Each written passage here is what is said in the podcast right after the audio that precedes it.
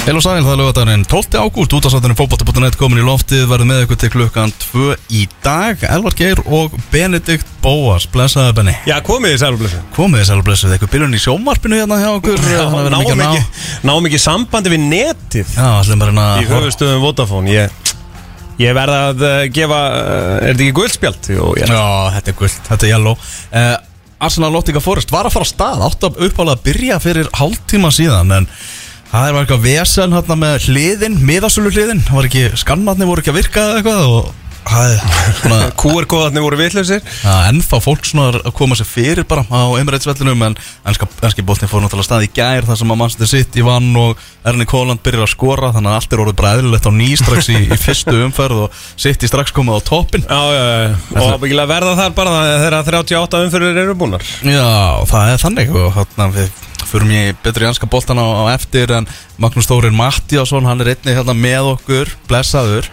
Sælir, Hvernig ertu? ég er bara ljómandi góður. Hefur þú ert talin eitt svo veikasti leifupólmaður landsins? Já, maður er með uh, veikina, það er alveg rétt. Þungudagur í gær. Tungudagur í Já, gær það er alltaf vond að vera hafnað. Já, og, og hérna, já, þetta var sárt, mjög sárt. 111 miljónar pund að bóð og hvað ég seti og bara Nei, eru ég vil fara til Chelsea. Já, já. Maður vaknaði er- í gær morgun mjög glaður Já. og það var alveg vond að hérna Já, hann var reyndar ekkert að pína okkur neitt sko, hann bara informaði þetta strax að hann ætlaði að vera Chelsea. Þannig að það er mjög sárt, ég ætla ekkert að neita því. Já, eitthvað vantar svolítið varnatengilið Já, en ég samt aftur á móti þá er ég alveg til í að fá bara lafi á helmingina af þessum peninga borgum þrjá fjóra viðbót Ah. og taka síðan kannski vardamann með. Mm -hmm. þá er ég alveg til í það að Ah. verja peningunum þannig. Mm Er ekki hérna Er þetta ekki samt Ég meina eins og Leopold er farið að Eyða alveg óheyrilegum upphæðum í leikmenn sko. Er þetta ekki ánægð með það? Þú veist þó að kannski Darvin Núñez og allt þetta ég meina það er 80 miljónur þeir buðuðu 110 í Caseido þú veist þetta er þetta er, þetta er statement Já, já, þetta er klálega statement en mér finnst bara þú veist, hópurinn á Leopold fyrir þetta tímbil er mjög þunnur þannig að maður er svona, mm. vikinni maður er létt eh, stressaði fyrir 38 leikjunum Já, ég býst alveg mörgum á sest, báðum endum, ég held að við erum alveg vel opnir og við erum alveg skora helling en ég sé ekki eitthvað fyrsta sæti í kortónum sko.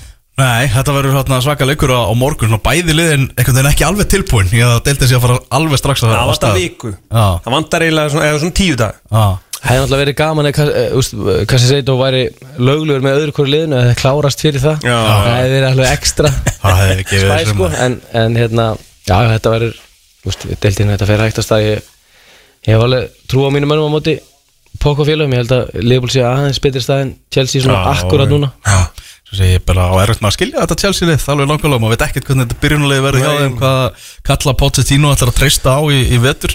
En um, já, henski boltin byrjar að rúla samkvöldu góðsum tíð og hér á eftir þegar það verður Kári Kongo á línunni hjá okkur ætlar að gera upp uh, þennan Arsenal leik í, í lok þáttarins. Já, skýrslu. Arsenalmanna hérna á .net. Já, leikunum verður verður þá samt ennþá í gangi en við bara já. hann Ég er bara, ég er að venja þessu logo en fyrir glugganum, þessu nýja. Já, Ég er bara- grafíkin nýja, Já. ég er að fíla þetta.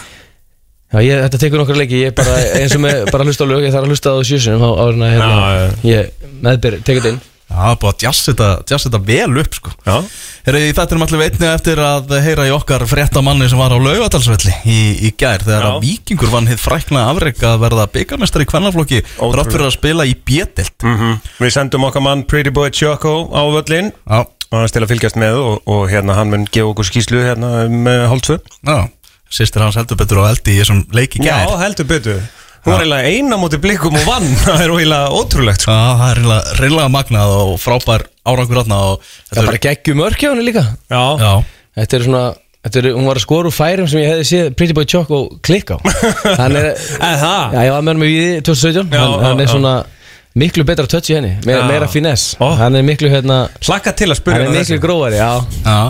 Uh, Pöpku spurning, Benni. Já, að verður eitt lið í, í kallaflokki afreka það að verða byggamestari sem bjötildalið Hvað, hvað félag er það?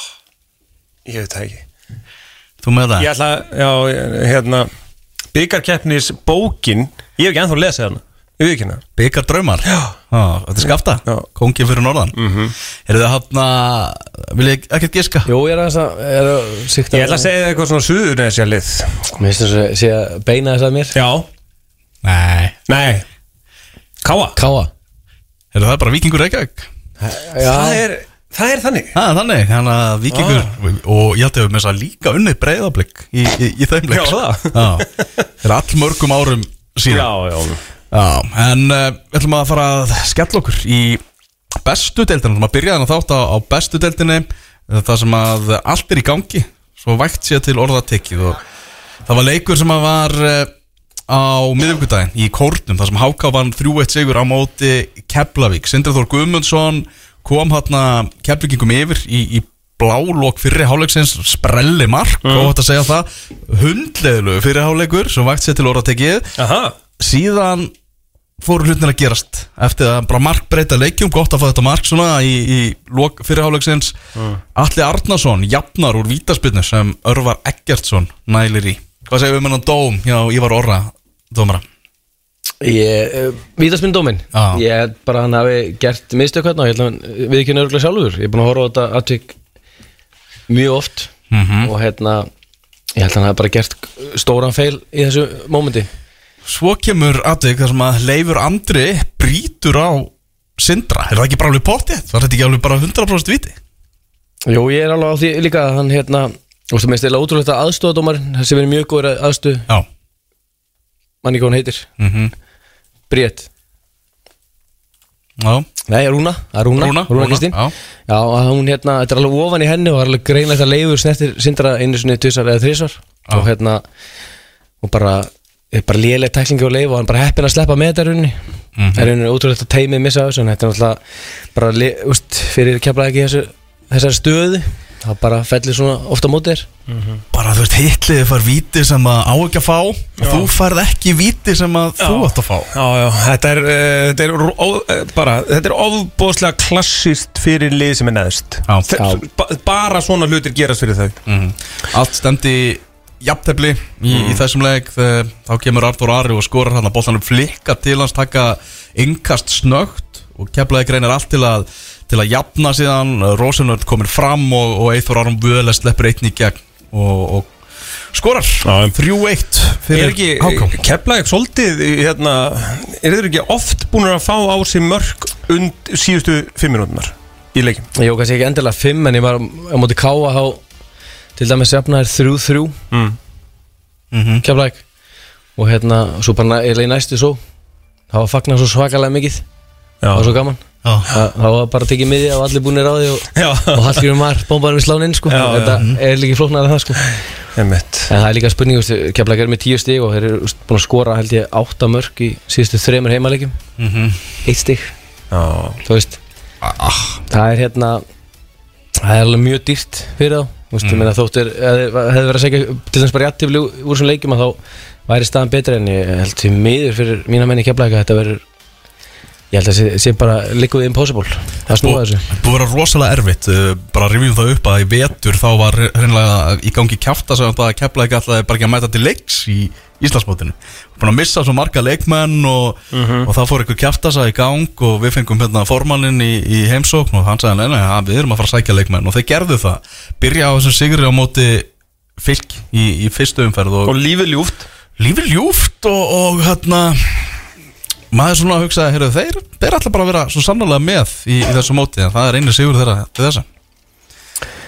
Já bara náttúrulega búin að missa ótrúlega marga leikmenn og ég veit alveg að það er uh, þreytt tugga en rauninni bara þeir sem að koma í staðin og kannski bara líkilmenn sem voru í liðinu í fyrra og eru í dag eru kannski ekki búin að eiga sitt, ef bara er ekki búin að eiga gott tíumbil heilt yfir. Svo líka bara Sami Kamel besti leikmaður liðsins að hann meiðist svona snemma móts var geggjaður í svo leikamóti fylki.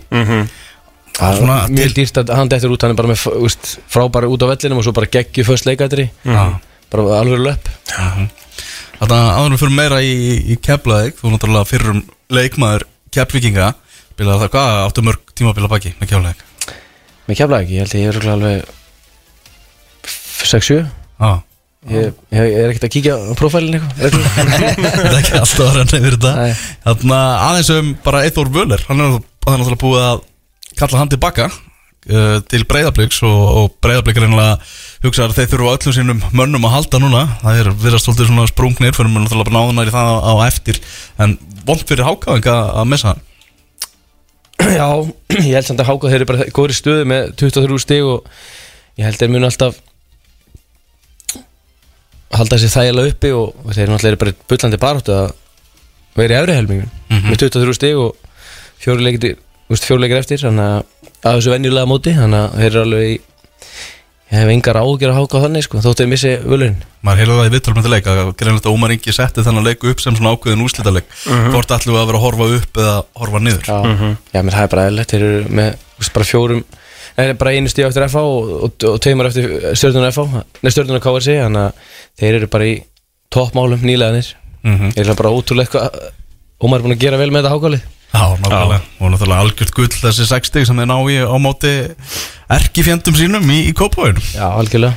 Uh, Þá í, í keflæku bara stóru fréttir vikunar þaðan Siggi Raki bara hreinlega rekin daginn eftir þennan leik. Það var náttúrulega búið að tilkynna myndi hætta eftir tímabilið En keflæði ákvað að það væri best að losa hann strax Og, og það var alveg skýrt í yfirlýsingunum frá keflæði Bara þessi ákvörðum að tekina stjórninu og Siggi Raka tilkynnt hún Og uh, bara svona fyrst þessi hugmynd Að láta Siggi Raka klára tímabilið. Já, það er hörmuleg hugmynd Og hérna, ég held í raun að það sé bara Að skrifa spína á bara reynsluleysi. Mm. Bæði á stjórn og kannski uh, bara þá sem er að stýra félaginu að hérna meikar engan sens að hann sé að klára síðustu þrjá mánuðina með allt í skrúinni og hérna veist, og það er bara, já, svo sem hérna þetta hefði, að mínum að þetta mátt alveg gerast fyrr Mhm. maður er alveg búin að heyra það í að hérna að þetta hefði alveg mátt losa hann fyrr úr hérna þessu starfi Mhm. Að hérna ég held að þetta sé bara reynslu þess að stjórnin að úst, gefa út þessa yfirlýsingu og svo þurfa að úst, láta hann taka eitt leiki viðbót tapa stíla Mhm. og þá að fara í þetta þetta er henni bara ég veit ekki hvort sé bara ákvörðanfælinni eða bara frestunar árátt eða eitthvað Já, það, er, hérna, það er náttúrulega, ég var náttúrulega að vinna á fréttablaðinu það sem að stjórnun var nú ekki kannski upp á 10,5 uh, en hérna, það er nú stundu þannig þegar fólk er að stjórna það er djöfulli erfitt fyrir fólk að taka ákvörðun sko. Já. Þannig, að- og þetta er náttúrulega ábyggilega sko, þú veist Ég, og ég meina við vitum það alveg að kefbyggingar er ekkert að synda í sæðlugum líka sko. Nei, nei, það er alveg rétt. Mm Þannig að það þarf að nota, nota örin já, ég nota hann vel.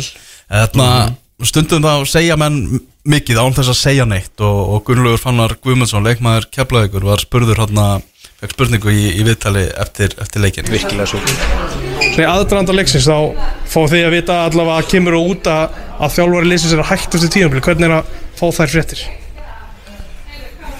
Ég sé bara nóg komment í því. Ég segi bara no Mér, comment. mér var þetta gott svar sko, því að hann hugsa sig aðeins um og er bara, hann er ábyggilega til í að þú veist, láta vaða. Svo bara, mæ þú veist, það er gott að ná að hérna, róa sig. Sko, ef Gunnlaugur fann að þetta fengið þessa spurningu fyrir bara þreymur árum Já, það er komið sprengja. Já, en hann er þetta er þorskinn. Þetta er Þorskinn, Já, þetta er alltaf komið á hann Já. Nei, nei, hann er í toppmálum, ég held eitthvað, gulli toppmál Ég held að, ég þetta er bara fínt svar hjá honum að við erum ekkert að að því að næri einhvern veginn að Já. anda sko, Já. svo bara að no comment. Það er mjög stuttu þráður í honum En hann, þetta er, hérna, þetta er mjög vel gert hjá Já, Og svo getur maður auðvitað að lesið hver skoðunin er. Já, já, það er alveg, ég meina það hafa allir sömu skoðun á þessu, ég held að sé alveg rétt, þú veist, þetta er bara, þetta er bara, hérna, þetta er svolítið klaufaleg stjórnun. Já, þarna sérstök ummæli á Sigaraka eftirleik þar sem hann svona sagði að leikmenn væru ekki að spila fyrir félagið heldur bara fyrir sjálfan sig. Og e, svo Máni hann tók það í, í stúkunni og sagði að þegar hann var að þjálfa þarna á kefleik þá hefur menn svo sannarlega verið að gera þetta fyrir klúbin því að þar hefði launagreislur ekki verið að skila sér að neitt annað en menn mættu og heldur liðinu uppi og, og allt það þannig að það hafa verið nokkur mjög áhugaverð svona ummæli frá Sigga í sumar. Já, ég veit ekki hvort að hann sé bara kannski, hvað ég segja, bara langþreytur Nei. Þú veist, hann hérna ge- gekk illa hjá honum að rekrúta Hann misti mjög marga fyrir tímabilið. Mm -hmm. hversu, hver, hversu mótiverar hann var kannski fyrir tímabilið? Þú veist, ég ætla ekki að fara að draga því á hann hafi ekki verið mótiverar En hann, veist, Þetta er þú, er þetta ekki fjóruða? Var þetta ekki Fjóra, fjóruða? fjóra, já, hann ætla bara að gera mjög vel fyrir keflaði Já. per se en bara spurning Svo kemur allt í hennu bara, þú veist, þú missir alla þína bestu Já. og ert bara, það er enginn að fokkin koma, sko En það er líka, þú veist, Það segir það ekki eitthvað sko. að þú veist, eins og hattaka Gibbs, þú veist, Sindri er allir að fara eitthvað, þú veist, Mm. ég veit alveg Sindri kannski að explóra markmaður fór í FA og, og hérna reyndar, þú veist, Mattias verið frábær í markinu. Ekki að segja það, hann er búinn að vera skásti. Eða besti leikmaður keflaði á tímbilinu Mhm. Ásat Kamel.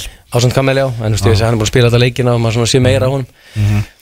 Þarna já, eins og segi, ég, ég var farin að hugsa bara, þú veist, er Sigur ekki bara að reyna að láta reka sig, einhvern veginn svona, hvernig, hvernig hann tala, hann tala líka, sagði bara, þú veist, leikmenninir, leikmannhópurinn er lélegri heldur en að maður í fyrra, sagði, sagði það bara Já, ég held að það er bara komið létt vonleysi hérna í undir að síðasta sko. Já, Þú veist, á mínu mati þá hefði mátt gera þetta fyrir, þú veist, kannski 6-7 umferðum, það, þú veist, þegar það var meiri sjens á að halda sér uppi, þetta er núna orðið bara, hvað þetta er fjóri leikir og, sem er eiga eftir eða ekki, og pluss 5 í hérna úslitakefninu og þetta væri bara, veist, þetta er eiginlega ekki hægt að, hérna, þetta er alltaf mjög erfitt að reyna að halda sér uppi. Já, þú veist, það eru náttúrulega búinir að vinna eitt leik og þú veist, maður sér ekki hvar sigurinn á að koma Þeir eru 17, það eru 17 leikir síðan runnu. Já, Þeir, segi það, já, sko þeir eru ekki með að vinna leikir 17 leikir. Nei. samt búin að ná nokkrum alveg bara afskaplega góðum úrslitum, sérstaklega á heima, þeir náttúrulega gera jafntefli við breyðarblik og viking heima, bara nála því að vinna hérna vikingana og um, ég var náttúrulega heima að leika á, á morgun, fyrir mig þá eftir, en maður sem tekur við út tímabilið, Haraldur Freyr Guðmundsson, það er nú maður sem að þú þekkir ansi vel. Já, ég bara spilaði með Halla og hérna uh, hann þjálfaði mig þegar ég var í reyni í tvígang. Þannig að ég held að hérna bara ég held sem mjög gott fyrir keflag að fá bara keflingin inn í þetta núna. Local boy. Ha, Já, fá bara heimamann og, og ég held að hann mun alveg ég held að vera alveg komið fram með stöðu núna, ég held að hann mun alveg gefa allt í þetta. Og ég held líka að ef hann er taka þetta nú tíðanbili, hann er ekki búin að segja mér það. Við þekkjum mjög vel og allt það en ég held að hann með grunar hann hann væntalega tekið sér að taka þetta tímabil út þetta tímabil og viljið þá væntalega fá að taka næsta. Þú veist, í lengjudöldinni mm þannig að fór kannski að smíða svolítið sitt lið. Þannig að hérna það verður bara spennandi að sjá hvernig hún reyðir af í þessum nýju leikjum sem að færi deildara bestu hann er ekkert að koma þetta inn í með eitthvað svona bullandi pressu, það er allir búin að afskrifa svona keflaðeg. Já, algjörlega, en ég menna, segjum að þeir myndu slýsa sigri á morgun, ég, núna er maður bara í bjarsinskasti sko, Einmitt. að hérna á móti val Það gerist ekkit Nei, það er möguleiki Það er Miður á- á- möguleiki. Á græsinu, á græsinu, þið eru ekki góðir á, Nei, á nei græsinu En hérna svo Já, Grasið er bara svo gott núna, sko Þannig að ég, hef engar áhyggjur Já, Ég held að bara uh, svo, Ef þetta væri kartöflugarður, sko Þá Grasið þungt fyrir valsarana. Aldraðan hóp valsarana. Það er svo langt síðan við spiluðum, sko Þannig að við erum feskir, sko. Já, ég ekki. Já, en þú veist, ég er alveg samanlega ef, ef það kemur sigur Veitu, þetta er hvað? Þeir eru með 10 fram 15 Já, við erum að horfa á fylki og IBF sem er í Já. frálsu falli bæði. Þannig að við erum með 17, þannig að 17. þetta er ekkert eitthvað þetta er ekki er Ef það kemur ógjörningur. bara hérna, hvað er þetta, new coach bounce Þú veist, það er bara búm og allt gerist Já, en svo sé ég hérna leikinu eftir val það er á, á móti breyðablík á gerðugarsinu og þótt að breyðablík séu gjörsamlega týndir aftur moment sko, þá held ég að, að það veri alltaf erfitt þú veist, ég mun alltaf það veri alltaf þunguleikur fyrir veist, hvernig þeim reyðir af í Európu og allt það Mm þannig að hérna, en jú, það var alveg gaman líka ef að með grunar að Halli sé búin að heyri í vinni sínum hérna á bílalegunni og kannski er að reyna að fá tvo-þrjá leikmenn Já. Þú veist, það var st- gaman að kemla að geta styrst ég fengi tvo þrjá sterkar póstinn en þetta er svo svakalega stuttu tími þetta er bara út, núna ágúst, september mm -hmm. úrslitakefnin eitthvað, hún er búin 16. 17. oktober minni mig þannig að hérna það er kannski erfitt líka að fá leikmenn inn þú veist. Nokkru dagar eftir á klukkanum, þetta er lokað 15. held ég. já, ég er að segja það er eitthvað eftir þannig að ég held að sé örgulega vinni í. Mm akkurat. Já, þetta verður, verður fróðið. Hvernig lítur bara svona östuð bara á tíma Sigaraka hjá keflaðeg? Ég held að hann hefði bara eh, gert margt mjög gott sko, við vorum bara, ég er ekki að segja ströggla, við vorum bara miðja lengjudeld og þessi komið kannski einhver ákveðin struktúr á þetta? En svo þetta var alveg, veist, segja, þetta tíma er mjög súrt, bara held ég alveg frá, veist, e, bara í undirbúrstímbilið, mis, mistu marga, mikil veist, þannig ég held að þetta þetta tímbilið bara hörmulegt á á allan hátt, þú veist, veturinn þú veist, leikmennur koma seint inn þú veist þetta, þú veist, ég held að uh, veist, maður vildi örgulega fá aðeins meiri styrkingar þú veist, heldur hann kannski með fullri virðingu fyrir að segja kannski Daniel Gilvason Já. vinnu minn og Gunnlaug Fannar veist, sem ég var með þeim í að við erum að að sækja þangað veist, maður hefði kannski vilja fá einhverja sterkari pósta og þá væri kannski staðan öðruvísi en eins og þú nefndir á hann líka að, að það er ekkert eitthvað allt uh, flægandi í sælum í keflækana, það er alveg að velja svolítið vel og, og, og þessu tímabili var bara einfallega ekki valið nægilega vel, veist, Jordan Smiley miklar voni bundaði hann og hann Það er var ekki náttúrulega svo naskur á leikmannamarkanum, sikir ekki já, en hann, hann feilar alveg á þessu tímabili en skilur. núna einhvern Já. veginn, þú veist það er, það er bara, hérna, swing and a miss eiginlega í öllu, sko en ef maður horfir líka bara, þú veist bara sem veist, segjum maður fyrir niður, veist, þá erum við hérna ég er alveg hérna, þú veist, eins og Áski Páll er búin að spila helling, hann er fættu tvö, þú veist, Axel Ingi, það er alveg ykkur svona sem er búin að taka þetta umræða tímabil, fara kannski lengjur og koma aftur upp, þú veist, vera þá betri þú veist, það er alveg, hérna hellingsrými fyrir þessa gæja að, hérna, að bæta sig. Þú veist, það er alveg eitthvað, hérna, ungvið að koma líka. Spurning hvað fyrir næsti á, Sigaraka búin að vera orðaður við, við framstarfin sagði að fram hefur ekkert haft samband við sig því að fram sé ekki verið að ráða hann á, á þessum tímapunkti. Getur mögulega að sé það og kannski bjalla í hann ef að þeir fara niður og, og setja það í, svona, í hans hendur að koma liðun aftur upp. Ef það enda þannig, býðum að sjá um þetta eru bara fabuleringar allt saman. Eins og segjum það er þessi leikur Keflavík, Valur, HS, Orkuvöllurinn á, á, morgun klukkan 5 það eru Já, þetta er svona, svona samþjöppuð umferð loksins, það sem að eru bara fimm leikir á morgun, eitt leikur á mánudaginn. Við skoðum bara þess þessa leiki. Klukkan fjögur á morgun, Káa, Breiðablika þetta eru Evrópuliðin að mætast, blikar búin að fá sig 16 mörg í síðustu þremur leikjum heldur betur erfitt hjá þeim. Það er alltaf að þeir geta ekki svona afsaka sig að leikjálæðinu sé að kennum úslitin þannig, því að það er svona jamt að koma með liðunum þar. Þetta, ég held að þetta verður hægt. Þetta verður hérna Þetta verður þungt. Það er þungt. Já, það er svona alveg hætt við því að það sé einhver örþreita í blikunum. Já, ég er samt, ég hef trú á káðmennunum Þeir eru búin að bara rótera liðinu sinu vel og Já. ég held einhvern veginn að þeir eh, veist mig, tilfinningi fyrir leikina það er að þeir séu aðeins friskari. Það, er, það er þingra yfir hérna í smárunum.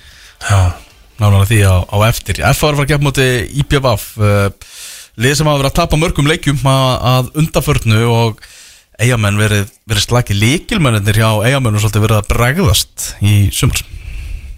Algjörlega, bara eins og hann hérna Filip Já, sem maður bjóst við að er bara, mynd, ég ætla ekki að segja að myndi taka við dildina maður var mjög spenntur að sjá hann eftir að maður sá hann í lengjubíkarnum á móti breyðablík og þessum liðum í veist, því lít flottu þar og hann er algjörlega í veist, hann er enda meittur, ég held að þessi fótbrotinn ekki, þannig að með, með þýlla hann, hann er alveg búin að bregða svo er búin að vera að brasa á bara fyrirleganum fyrrum, eða árunni Mhm. og hérna já, hann að þetta er ekki búin að vera gott hjá hemma og félögum nei, og þeir eru bara einhvern veginn svona í verið störa frjálsum falli, ég veit að það er mikið verið að þeir eru í mörgum símtölum. Þeir er alltaf að styrkja sig eitthvað, að leta sóknamanni fyrir gluggalók Já, Já, ef ég væri, mætti gefa þeim ráð þá myndi ég sennilega lita að varnamanni mm. og færi með þess aftur á höllin Nei, þeir eru alltaf bara lengst upp á velli að láta sundur spila sig, ég veit að vingsleikurinn það er þú veist, nýtt dæmi, en, en bara almennt á finnst mér hérna svona bara nálgunin að sérstök, svona ekkit svakalega IBF-legt og heldur ekkit svakalega hemmalegt, Nei, þú veist að hérna að vera einhvern veginn svona hátt uppi og og allir er farið í pressu. Allir í pressunni já. Og er svo að pressa! Já, þú veist, ég meina, ég, ég spilaði á mótið það með þrótt vogar endan, þú veist, þá- þá fóru og var það sem er, þú veist, vera það voruð miklu aftar og, þú veist það ég veit ekki, mest er að vera hérna í ykkur sem er ráða ekkert við Mhm. Ta- basically Já, En það er alveg möguleiki að sækja eitthvað á Kaplakrikavelli á morgun Já, ég Það er ekki samvarið Nei, ég held að F.O. kannar taka þetta bara þægilega Ok já Þú veist, mér Ég er með X á mér- þennan. Já, mér finnst F.O. ekkert vera hérna, stabrir á móti vikingunum þráttur að það tapa 3-1 mm -hmm. mér finnst hérna ég held að F.O. kannar taka þetta þægilega Ég er með X Já, meistaravellir K.R. Fram. Það er uh, Reykjavíkur slagur á, á Hvernig Já, við við, hérna skelltum okkur á Vestlurman Helgar uh, leikinn og, og horfðum á KR vinna uh, breyðlik og Það hérna, það uppleg var upp á 10,5 sko hjá Rúnari. Mm. Þannig að ég svona hérna, ég veit ekki hvort að bara K.R. sé eitthvað að lifna við eða hvort að þeir hafi bara mætt hana þungum og þreytum blikum? Virðist vera sem að gerfugra sendi bara káringu betur heldur en heimavöldurinn þeirra. Já, Það er samt alveg, það er alveg þungt skíði fyrir mörgum sko, þannig að Já, Já, þetta er svo mikið þetta er svo mikið fram eitthvað allt í einu orðið. Þú veist, eftir að nonni var búin að einhvern veginn að koma ró og þú veist, þetta var, var ekkit bull og eitthvað svona. Svo er allt í einu núna bara Heru, við ætlum að ráða hérna gæja sem að viðkendi viðtalið, þú veist, fyrir fimm árum að hann horfði á alla fótbolta. Það er sko kemur á óvart að sko nonni hafi rekin og þeir hafi ekki verið tilbúnir með Það er líka ein- strax. Já, ég er samála því, það er bara bara eins og keflæk við klúpur að vera ekki með eitthvað klárt úst, það er svona að þeir voru klauvar í því að hvernig þeir losu, öst, hvað segja, þeir losu sigga. Mhm. sama hann að láta að rakka taka fyrir sem kannski hefur ekkert það mikið áhuga, það var eitthvað viðtal við hann um daginn þar sem hann sagði að þetta það var að koma áhugin og allt þetta sko. en ég held að hérna það hefur verið sterkara fyrir að vera með eitthvað kláran með. Ég nefnilega held að þegar nonni með, veist, þegar, þetta byrjar svona kvissast út og eitthvað þið byrjið að skrifa um þetta á .net og, og hérna allt þetta og svo gerist þetta, þá var ég alveg svona, já ok, ég meina, Gústi Gilva er bara klár á kantinum og klárar þetta tímabili ekkert mál, þú veist, rock og roll, höldum áfram. Svo fyrir maður bara eitthvað að vinna og leika sér og svo bara býður og hér erum við enn. Já, Gumi Ben talaði um það í stúkunni að svona laun væri ekki að skila sér hjá, hjá fram. Allavega eitthvað seint og illa var svona eitthvað fjárhagserfileikar og það er náttúrulega gerir verkefni ennþá erfiðara hjá, hjá Raka halda munum við verkefnið. Algjörlega Já, Hvernig er, hefur þú fengið svona vangoldinu laun, átt inni bara, veist, já, ég á bara inni þarna úsla mikið, en ég er til í að reyma á mig takaskona Já, já, maður, þú veist, keplæk, maður var oft bara eins og heimamenninni, við bara sátum oft, þú veist, síðastir eftir og maður vildi Já, náttúrulega já. bara freka kannski að erlendu leikmennir sem voru bara atvinnumenn. Eða voru ykkur hlutastæri með að hvernig sem það var og maður lúfaði þá frekar fyrir þá. Mm. Já, og já. ég meina þetta dró ekkert úr manni þótt maður fekk ekki greitt, sko, En þá fyrir náttúrulega það. local boy. Já, algjörlega og hérna, ég ég er að segja það og ég menn það er einhverju lokals í fram og ég held að þeir séu vantarlega bara, þetta er öll liðir að alltaf að kljást við þetta. Eða kannski ekki öll lið en allan, þú veist, jú, kemla var ofta að berast við þetta þegar ég var að spila og, og svo heyrir maður að, þú veist, til dæmis K er að það hefur verið brast þar, eitthvað. Þannig að ég held að þetta sé bara já. Þarna, þetta er nú bara bref að blikarnir sé að reyna að vinna því að reyna að fá Kristján Flóka. Það að hann sé á, á blaði í kópóinu Já. Maður veit ekki hvort Óskar Raffn viljan eða hvort Óli Kristjáns viljan menn Óskar Raffn er bara þjálfaliðið þannig að Já, já, með mitt. Hann hann Svo frækt er orðið. Já, ég kemur ekkert óvart að blikan ekkert séu kannski að að sækja eitthvað fram á þeim, þeir svona að vera veist, þeir eru góður út á vellinum það vantar samt eitthvað biti á en veist, hann hérna Kristján Flóki hefur ekki verið að delivera Nei. síðustu ár mörgum sko. Kannski þarf hann bara eitthvað nýtt til að fá neista sko. Já. Og ég er ekki svona viss að viss um að það endilega duði eitthvað sérstaklega til sko. Hann er líka verið seinjapinn með meðslinn alltaf yðurlega á listanum í langa tíma og þannig að já það er ekki eins og sé eitthvað unglamp, hann er 29 ára á næsta ári. Þú veist, þannig að mm Ég, ég, ég átta mig aldrei á því fyrir þetta tímambila þá, þá var eiginlega all, allir svona þú veist, þessi vera markaðistir þetta, sko, þetta er ábyggla Patrik Pedersen og hann er mittur svo erum við með Kristján Flóka. Og hann var alltaf í umræðinum að vera markaðistur Þú veist, ég held að hann hefur hann skorað meir en fimmur Nei, já, ég, hann skoraði 8 mörg 2017 með Já, þeim. hann skoraði Já. átt að þá. Það- það var Eftir 2017. Það var 2017, það er 23 í dag. Já. Hann er búin að skora síðan eftir það. Það er þetta búin að vera þrjú til fjögur mörg á tímbili Já, eh, eh, ég, ég, Það er, er ekki yfir fimmur á sko. Það er ekki eins og fimm. Nei, nei ég, ég var alltaf bara af hverju á hann alltaf inn að finna einhver mörk þú Já. veist Það það bara, ég skildi aldrei þessa umræð Ég held að hann hafi í fantasy leik fótbolta.net sem að því er nú með rittstjórun hérna. Hann kostaði sko 40 miljónir eða eitthvað. Hann var dýrastur. Það er, það er náttúrulega mjög potensial í honum.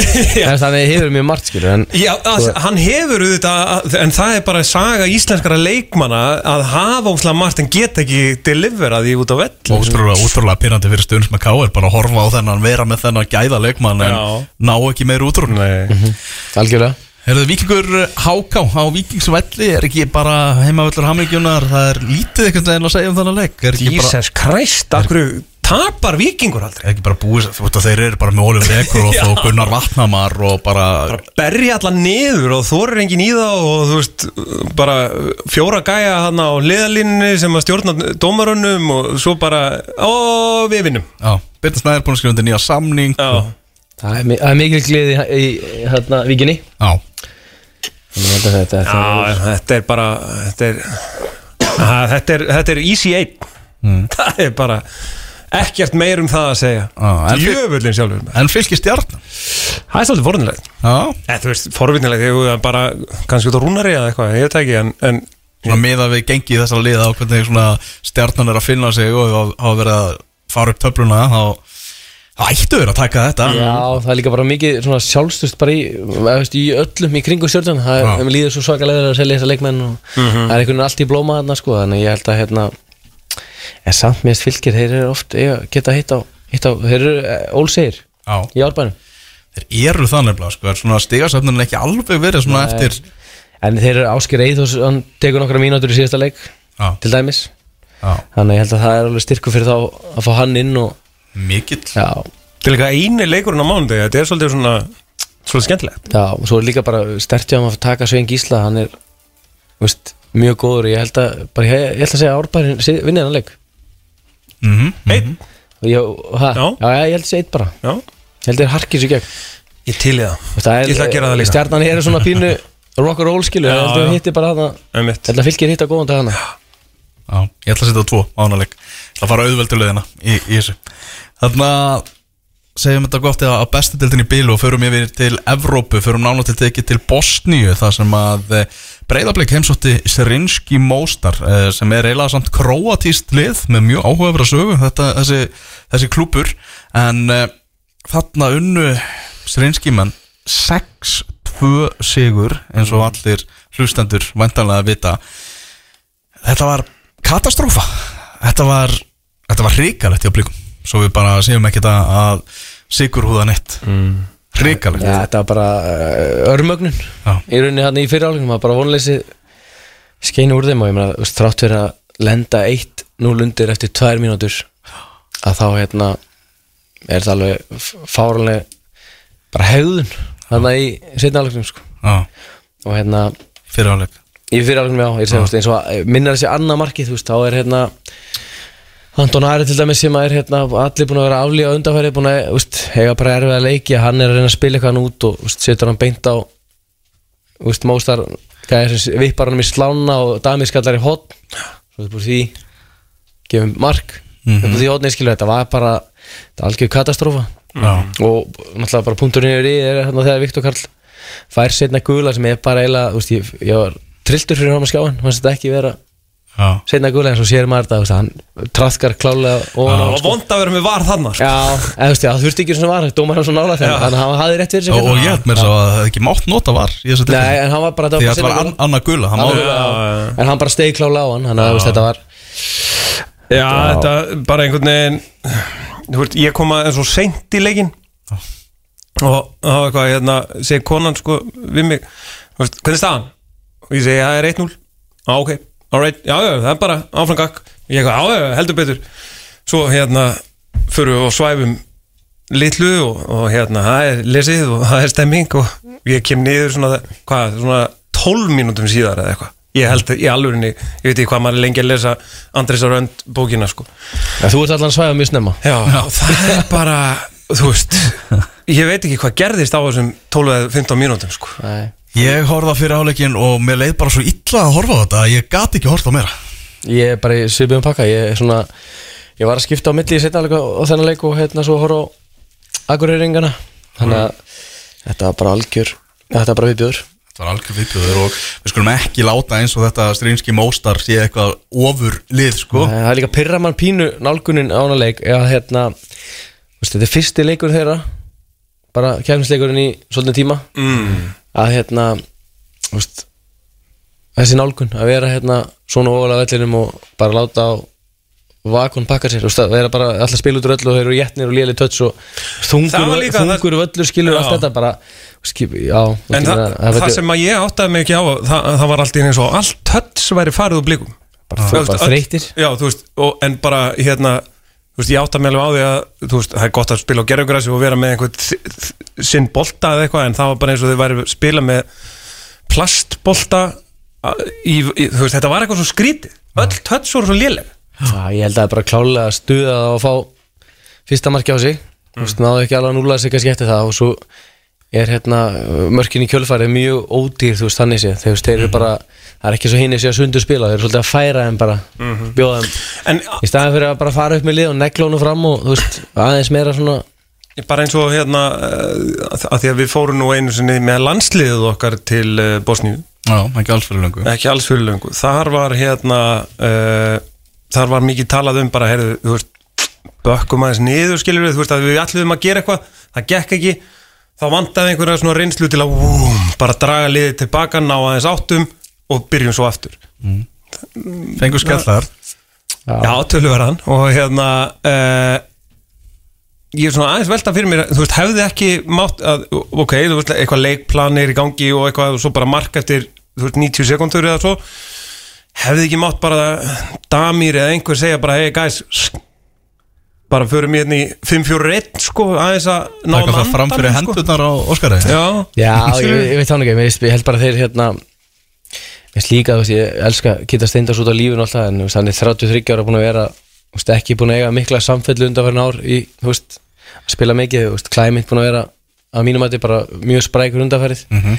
og bara, uh, minnst það ótrúlega einhvern veginn svona liðsvali líka stundum hjá Óskari undanfærið Já, að vera með hann aðna Kitta, þú sem er kannski henda betur á móti liði sem að bakkar alveg og hann fær að vera í frí flóinu, þú veist, það var alveg vita að þetta er hörku fætingur. Þú veist að hérna, ég bara nefna eitthvað dæmi, þú veist, og svo- svo sama þetta hérna með andra Jómann í vinstri bakurum, það líka sérstakt. Þú veist, þú veist, bara með hreinrætt vinstri bakur í dag yngvas og já, já, það er menn Óskar er búin að fá skiljanlega bara talsvara gaggrinu svona fyrir upplegg og, og liðsval í, í þessum legg uh, og bara þetta lítur svolítið bara þetta lítur bara ítla út hjá, hjá blíkonum já, bara mjög illa. margir þungir og, og Já, eins og marki eftir hotspinnuna og við erum Anton allir bara bólótsing og það kemur ykkur trukkur og stingur sér fram fyrir höskuld og potarunum minn. Veist, þetta er svona mér finnst þetta ekkit svakalega veist, þeir eru alveg svona, þeir eru vel hefi eins og þessum leikallana og svo hjálp, hjálpar ekki að menn er ekki að dansa uh, í takt bak við, bak við tjöldin. Nei, nei, algjörlega ekki en svo virðist vera í gangi í kópaðunum en þarna, ég heyri það uh, sagði mig góðu maður að svona skærasti stjarnastrínski móstar væri með svona 800.000 kall íslenskar á þarna mánuði. Þannig að svona getur, Já. getur ekki sagt búist, vantarlega bara svona svipa budget uh, launalega síði á þessum tveimur liðum. Svona, Hann er bara með aðeins minna en damir á mánuði. Nei, ég er Já, nákvæmlega, örlítið minna damir. En þarna Þetta er 6-2 er alls, alls, alls ekki munurlega þessu tveimur liðum og glemur því ekki að rétt eins og Ísland þá er Bosnia aldrei átt lið í Já, já. reylakjarni Evrópi já, ég bara Þannig að þetta, var rúkislega, þetta var bara skellur sko. það var það, við vorum alveg við vorum bjart sínir, sko. Þú varst þannig búin að ringi einhver síntöl og Já, já, það var bara um, góðu sjens og maður bara, yes, herru, færiska æðintýrið í fullum gangi nú fáum við okkar og þú veist let's go og svo einhvern veginn bara þetta í andliti já. þetta var ekki gott. bara þetta var, veist, ég, þeir eru þreyttur alltaf og þeir eru náttúrulega ekkert með einhverja skífur að breytt finnst mér blikarnir sko. Þannig að hérna ég held að bara, þeir bara hausinn alveg fór að þeim hérna í byrjun. Ég held að það er bara ekki jafna sig hérna eftir fyrstu 20, 25 mínútur. Þeir eru ekki með breyttina sem ég heldur að vera með bara vegna þess að nýjumennir hafa verið að klika Það bara hefur ekki verið hægt að, að, að treysta á þá sko. það er líka bara dýrst að þeir voru- að búast við mörgum frá Patrik og hann er bara átt hann er bara, er ekki þar að koma áttur og hérna bara rekrútið hann hefur veist, ekki verið gott, ég meina er ekki Alex Freyr hann er farin á láni, hann náði ekki að þú veist, mm Eyþór bankan á láni mikið á og- hérna á völurin fóru til há, hérna háka á lán og er reynda að koma tilbaka. Mhm. en ég meina ég held að völurin er ekki að fara með fullur yfirring og hann er ekki að fara held ég að pumpa þetta eitthvað svakalega í gang. Nei, þetta er, þarna, er getum við bara algjörlega sagt að þetta einvið sé búið? Já, Já, þetta er steindautt þetta er steindótt, Anton Lógi og, og Gísli Eyjól frábært marka Gísla. Þarna, sem að minguðu munin gerðu þetta aðeins skárra útlýndandi þetta allavega Það er alltaf vond að liðið skora sjö Þannig að heldum í sexunni. Já. Það er alltaf svona menta Þú upp á hausinn sko. Já, Ef það fær sjö átt á þig Maður var alveg hrættur um það sko. Þetta var það andlust sko Hann í fyrirleik sko. Já. En uh, já, þá er breyðablika að þeir tapa þessu á 15. setni leiknu sem að alla líkur á að þeir allavega samtals. Að þarna, þá fara þeir í, í umspill fyrir riðlakefni sambasteldarnar. Það var eitt sem sem viðbót að koma sér í riðlakefni þá mæta þeir eh, strúka frá Norður Makedóni í öllum eru ég, Já, ég held að breyðarblik þeir þurfa að taka móral sko Bara þeir eru eitthvað að hressu upp á þetta Bara mjög fljótlega. Já. Bara sama hvort það sé Þú veist, það, þetta er rosalega þungtið mm -hmm. Greiðunum Já, en eins og ég segi, þrátt fyrir þessu úslit þá er ennþá góðar líkur á því að þeir komi sér í riðlakefnina ef þeir ná, ef, þeir ná, ef að móralski hefnast vel hjá þeim og þeir ná ykkur, ykkur banda í þetta. Uh, Breiðablik tapaði þarna á 6-2 Káa tapaði á sama tíma 5-1 fyrir klubb Brugge í Belgíu. Þar sem þetta komið með svona þegar, þetta var svona tómatsósu áhrifin þegar klubb Brugge skoraði þarna á 5 minútna kapla þrjú mörg sem einhvern veginn svona algjörlega gerðu út um þetta. En uh, það var náttúrulega alltaf vitamál að þetta er því Já, erfitt. Já, þetta var náttúrulega við gefum Káa svolítið bara frípassa. Já, þetta já, er já. allt annað lið en breyðablík var að mæta sko. Já, þetta er bara miklu betra já, þetta er miklu betra lið. Og bara hérna já, maður sá það bara á úst, á öllum leikmennum hann en ég elska að horfa á hans á Vanakan.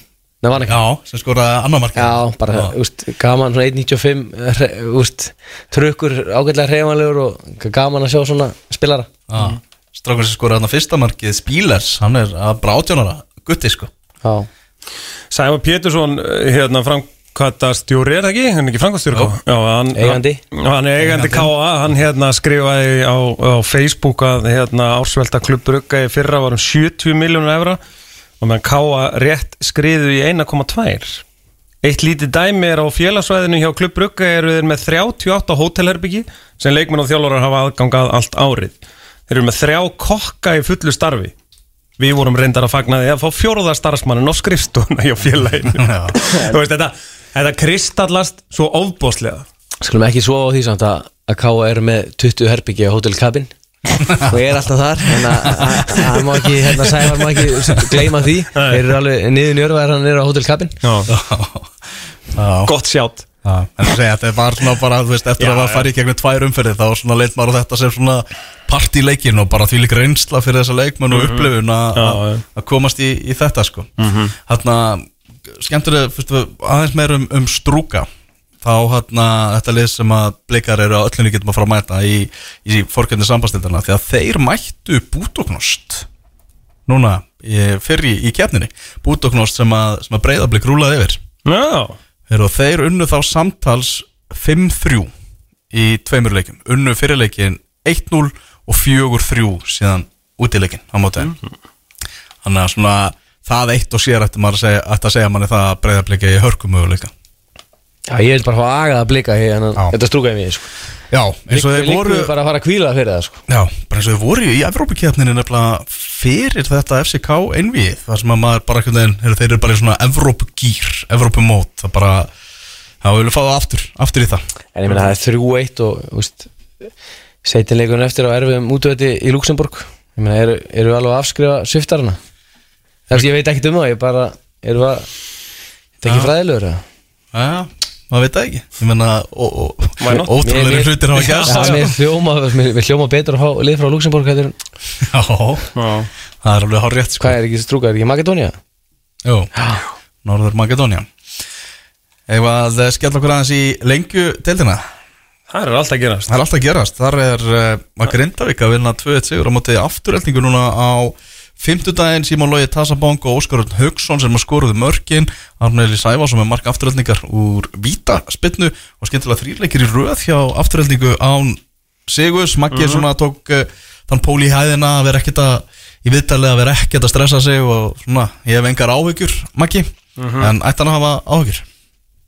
Ég held að hann ætti ekki að hafa ágjur Ég held að ég bara detti back on track en svo var ég að skoða hérna til dæmis prógrami sem það er eiga eftir mm.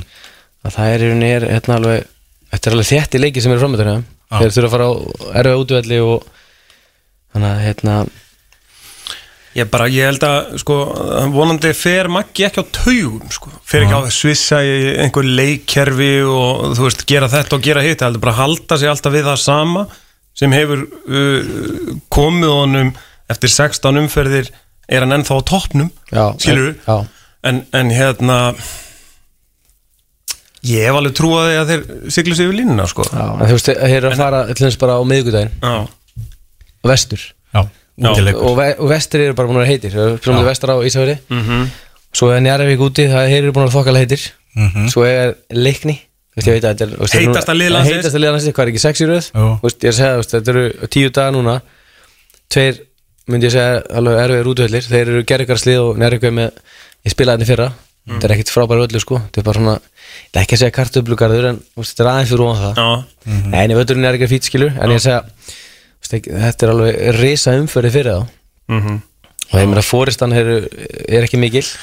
Þeir eru bara Í- þreymur Já, þreymur undan nýja, sko og, hann er, og bara sjöunda fjölni. Þú veist, Þannig að þetta er alveg Ég held að geta alveg klúðrað þessu. Já, þarna ég fylgist aðeins með þessum í uh, þessum leiki hérna, eftir að ég skipti af blikaleiknum, gafst upp þar þá, fór ég hérna á lengjudeldarásina og, og horfði á útsetting fyrir þessum leik og þarna voru, var, var lýsing frá þessum leik og það var svona uh, Elmar Kokits var að fá svona smá gaggrinni hérna frá lýsendunum maður sem að fór náttúrulega með heiminn skautum búin að vera geggjaður í, í sumar en það búið að vera svolítið slögt á honum í, í síðustu leikjum og þeir voru með þess að bara kalla til því að honum er skipta velli. Fannst hann vera eitthvað svona of heilagur að, að Hverju voru á mæknum? Ég veit ekki hver þetta voru sko. Nei, ok. En Ég ég var- skipti líka verið ekki Ég, bara, ég skipti að ég sá Auðum Blöndal Er að setja inn vídeo á Óskar Erni Skora. Þá skipti ég verið YouTube að Þegar maður alveg Hérna Það var erfið þungt að horfa á íslensku liðin í Európu Sett ég aðeins yfir þetta Yfir á þetta. Það er að sjá Óskar Já. bara að leika listi sínar. Geggjaðu sigur samt hjá Grindag Já, geggja það sviður á grinda Þú veist, þeir eru einum punkti frá sjötta sætunu Mhm.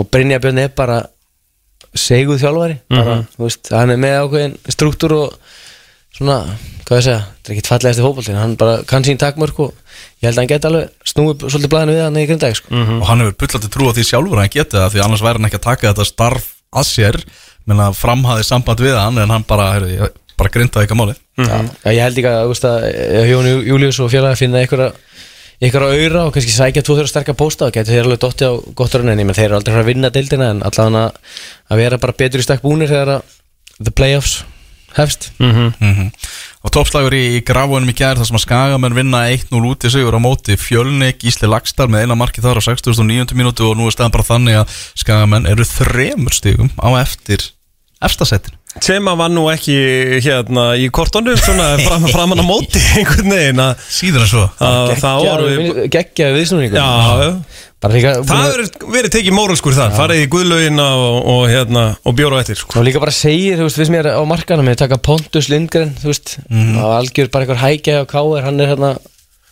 er að rúla flesta leiki hjá þeim. Svo bara geggjur kaupi Alberti Hafstins til dæmis, þú veist, þeir Já. svona það er ekkert búið mikið fara fyrir þessum kannski kaupum, en þetta er alveg styrkir ágætis enna mannskap. Já, Og líka bara, svona, líka bara svona ákveður svona skilabóðakaup já, Og nú eru þeir bara til að fara að horfa á því að taka þetta efstasæti og fara beint upp.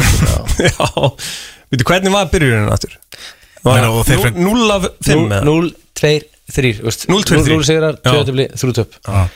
þánga til þá vann hann ægi 0-1 í Þólásum já, það var alveg, bara minni, í minningunni það var held ég að þess að vera bara ægir jáfnvel verið betri þannig uppköflum. Já, gleymum því ekki að bara, þú veist, í síðustu viku þá var, voru skagamenn að fá 5-1 skell á heimavelli á móti leikni, sko. Þannig að svara þessu að fara í toppslæði grafóin og taka öll stíðan er reysa stórtina já, já, algjörlega. Uh, Já, það var ekki minni maður en Daniel Ingi Jóhansson sem komum á bræði þannig að í sjöttum ferðinni Já, Já, Þólasson, hann skoraði fyrsta marki hann kveikt á þessu. Hann kveikt á Já, þessu, kveikti á þessu. 2007 mótal Ræsti vélina. Það stýta og svo bara hvatandi Danmarkur Nákvæmlega. ég er farin Nákvæmlega, það fellur gessalega ekkert með okkur sagði Úlfur Arnar, uh, þjálfari fjölnis eftir leikin Þannig að svona Já, við leið fjölnis verðist vera það að reyna Já, bara komast í gegnum þessa úslita keppni. Já. Hvað með ykkur leiknismenn? Allir þið bara, eru þið hættir að tapa og allir Já. þið bara að vera hérna, bara, ég meina þið eru heitasta lið, sex sigurar í röð. Sex sigrar í röð Lífið er ljúft í brjóðaldi Já, sjö sigrar á síðustu átta held ég. Það er podcast sem ég lusta stundum á. Já, Það var maður þar, hann var alltaf að tala um að það væri góðu þjálfari hann í brúni, hann er svakalega trúið sem þjálfari. Já, og það er heldur betur að hérna, rætast. Já.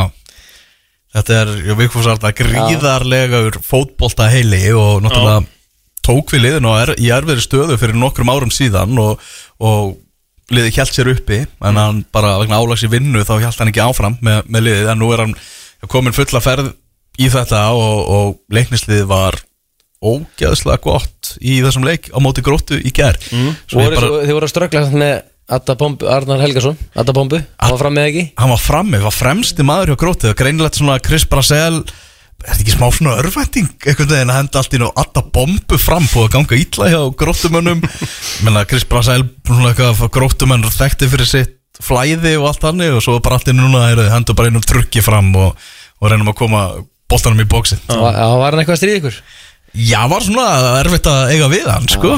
Þarna, Þegar þeir náðu að koma bóltana fram En eins og bara lengst af leik Voru bara yfirbyrði leiknis og gríðarleir Og fjöldi færa sem að fór hérna í súgin Og lið átti bara að vera gjössanlega búið að pakka þessum, sama, þessum leik saman Löngu fyrr. Mm. Átti aldrei að vera spenna einhvern veginn í þessum leik Með að við hvernig, hvernig leiknisliði var að spila? Það voru afskaplega góði Robert Kvendal Átnason sá ungi og efnilegi leikmaður var að búa til alls konar vesen fyrir gróttu, trekk í trekk og hann er að brjóta Ísland á 6050 mínútu.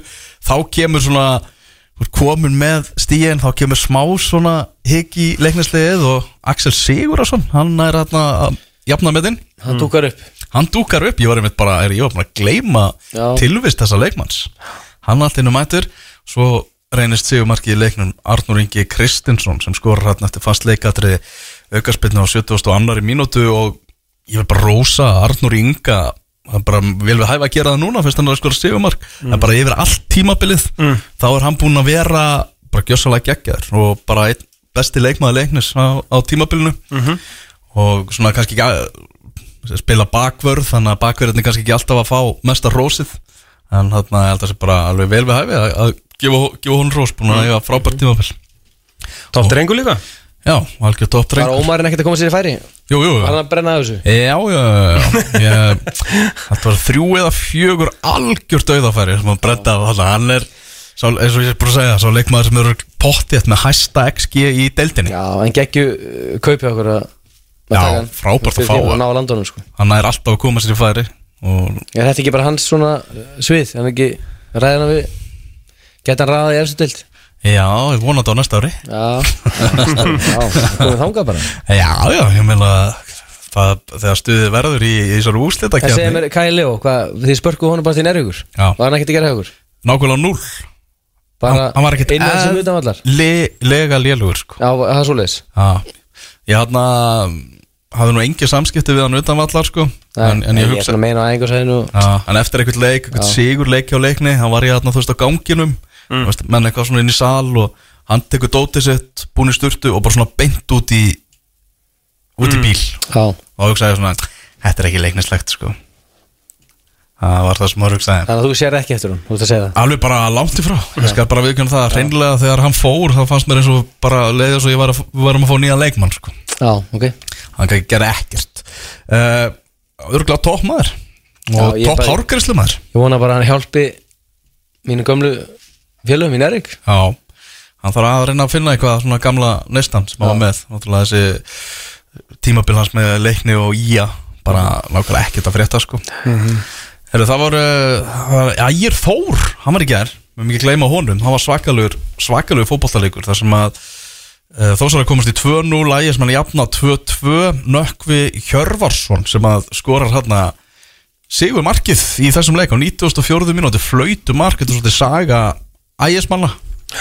Já, og Þór fengur flautumark á saman til leiknismunum bara fyrir tömurum fyrir mig að Hann kom inn á bekknum bara Tvei myndum áður eða eitthvað. Hljópa hann ekki bara inn á að skora eða var þetta ekki eitthvað þannig Svona minnir að hérna Lýsingin hafi verið þannig? Hann er alltaf 2006 mótel flautumark frá honum og, og ekki er hann nú, nú gamallan Bjarni Guðjón Brynjólfsson sem að skoraði þarna fyrsta marki þannig að það fyrir að hafa kannski get verið einhver flugveldasýning á, á þósurum í þessum leik. Tveir svona þeirra ungi, ungu menn að, að skora og eins og Láki sagði eftir leik þetta er svolítið fegurum við það að vera ekki að sækja leikmenn. Að strákarnir sem komin að bekknum eru bara einhverju kjúklingar sem að klúburinn er alveg upp. Það er alltaf, já, það er bara gegga en uh, Baldvin uh, Borgarsson Bati Borgars, uh, aðstofþjálfur Ægis hann var uh, alls ekki sáttur við Þótt Þór Þorstein Þórðarsson dómara, dómara leiksins og vildi menna að við halla verulega á Ægismenn í, í dómgjastlilu og það sé ekki fyrsta sinn frá þessu dómara í, í, Já, í sumar? Ég sko það sem ég hef heyrt að þótt þótt þótt er bara að hann sé mjög efnilegur og góðu dómari og ég meni ég las þetta viðtalana við hann hann var að tala um hann vildi láta leikin fljóta og, og allt þetta sko. Og hann hafi hérna svona mist tökinn einhverjum tímpúti en ég meina þú veist ég, mér, mér veist ódýrst að ef þú situr í 12. sætuna að fara í hjóli einhvern dómara þú tapar þrjútu mm. þú veist. Ég, já, ég sé Þór dæma á frábært dómari. Já, þú veist, maður Ég- getur vel verið hann að klikka á einu aðtöki hér að það er, en, þú veist, bara það er Þeir- mjög eðlilegt. Já, ægir eru bara með átt að steg og Þú veist, það svo- pæla meiri því, kannski. Já, Þú veist, pæli, hérna, ekki vera Hraun eitthvað er ungan dómar nei Það er, eh, ég hef heyrt mjög góða hluti um þátt og þátt. Bara hafi svo mikla stjórn á eða lauruglumæður Og fyrir leikmaður og fyrir leikmaður og svona, þannig að ég held að hérna, þetta sé okkar er þetta ekki okkar Gunnar Jarl, er þetta ekki næsti svona eh, ungi og efnilegi Jú, Dómari? það er, það er margt líkt með Gunnari og, og Þórði sko. það er svona, hann er svona þú veist, það er smá svona stælar í honum skilur við, hann, svona, hann- hann er óhrættu að svara leikmönnum Já, og, já, já. og allt Já. þannig sko. Það er líka leifir eru aðeins að massa á sig veist, meira, þú veist. Einmitt. Svo bara þarf að stoppa það í fæðingu. Já, akkurát, það það er nákvæmlega þannig. Já, hann, er, hann lendir á bíli erfiðari aðstæðum heldur en knaspinnuleikjum sko í, í, in his day job sko. Ég hjólaði þessi í dómarsamfélagi gær. Já, heldur betur. Bara aðeins að stríða eða ekki að stríða Ég var svona, mest var að segja, mér finnst þreytt er alltaf fleia þjálfurum í stúkuna bara 1, 2, 3 mm. En þeir sög, voru allir hérna Ég fekk fund að þeir hérna vildu meina að þeir ættu bara að gera miklu meira að hendi upp í stúkuna Að, svo, svo mikill væri æsingurinn á bekkjunum sko. Já. Það eru tveir Það leikir er það draumurinn minn er að fá að vera Já, Það er tala líka um einhvern veginn einast Ég þetta veit það, Já. ég held að þetta sé ógæðslega gaman. Sérhæfðu En fjóruðdómari ég man ekki hver að var. Það var eitthvað sem sagði í gær, dómari. Mm. Jú, það var gaman og allt það í þessu partí og það var einhver þarna sem sagði, hann, ég held að hann hafi sagt að hann væri með 40-50 leiki á milli bekkjana það er alveg reynsla. Já, bara ég að vera Já. minnir að það verið Gunnar Sko, Freyr Róbersson ekki? Jú, Já, minnir að hann sagt það, það, það hann sagði að það væri alveg væri alveg hann er búin að vera lengi svona fjórðdómari í efstu deild sko. Já. já, ég minn hann er ofta um til mér í hérna annari tildinni Ég væri svo geggja til í þetta. Standa hann með Skil, hei, hei, hei Bóðvangurinn, bóðvangurinn Mjög áhugaveru leikur klukkan 2 í dag Njarðvík vestri og svo klukkan 5 Ég veit nú ekki alveg hvað akkur með þennan leiktíma En það er þróttur Selfoss. Er það ekki bara er ekki í gangan? Já, gleði gangan. gleði gangan og það sé Ah. eitthvað trafík og senka þessu, ég, veit ekki, fyrsta sem þetta er Já, það er alltaf yfirleitt tengist einhverjum svona viðbörum Já, nákvæmlega. Það var bara, bara flott mál sko. Já, Leikur klukkan 5 á, á lögadegi Þróttur Selfoss. Þarna aðeins í punktu netbyggarinn oh, Það var dreigið í Skemmtilegasti byggar Bara skemmtilegasta keppni Skemmtilegasta keppni suma sem sé á alveg. Það er ekki flókn en það. Einmitt. Lögadaginn 23. september Það verða undan úrslit keppninar Þínir menn í víði. Já, Þeir eru að fara að mæta KFK Heima leikur á móti spútnikliði keppninar já spúkniklið ekki spúkniklið, þetta er bara hörkulið. Já. bara með hérna týpurna sem hafa skorað í raða inn í annar tildinni til dæmis. Þannig að hérna og Brynjar Jónasson hann er með 102 mörg sínum ferli, þannig að þetta er alveg þetta er hörkulið og svo er hérna Húbert er hann ekki hann líka og Andy Pjú þetta er Stefán Ómar Magnússon, hann á fullt að leikjum þráttur hans fættur 2000 þannig að þetta er bara, veist, við erum úst, ætti að klára og klálega en hérna, þetta verður bara spennandi leikur. Mm -hmm. Ég held að þetta verið geggjar úrstættaleikur líka bara hérna sama hvort að Mike eða Thomas Orri og, og þeir hérna úr Garabænum Mhm. fari úrstættaleikin en þú veist, segjum að KFG fari úrstættin þá held ég að komi alveg alvöru pakki úr það það sko. nei, það verður 2000 mann sko en ég held að þetta sem að Víður og KFG myndum þetta þá held ég að það er alveg það er hörku mæting sko. Það er rosalega mæting sko.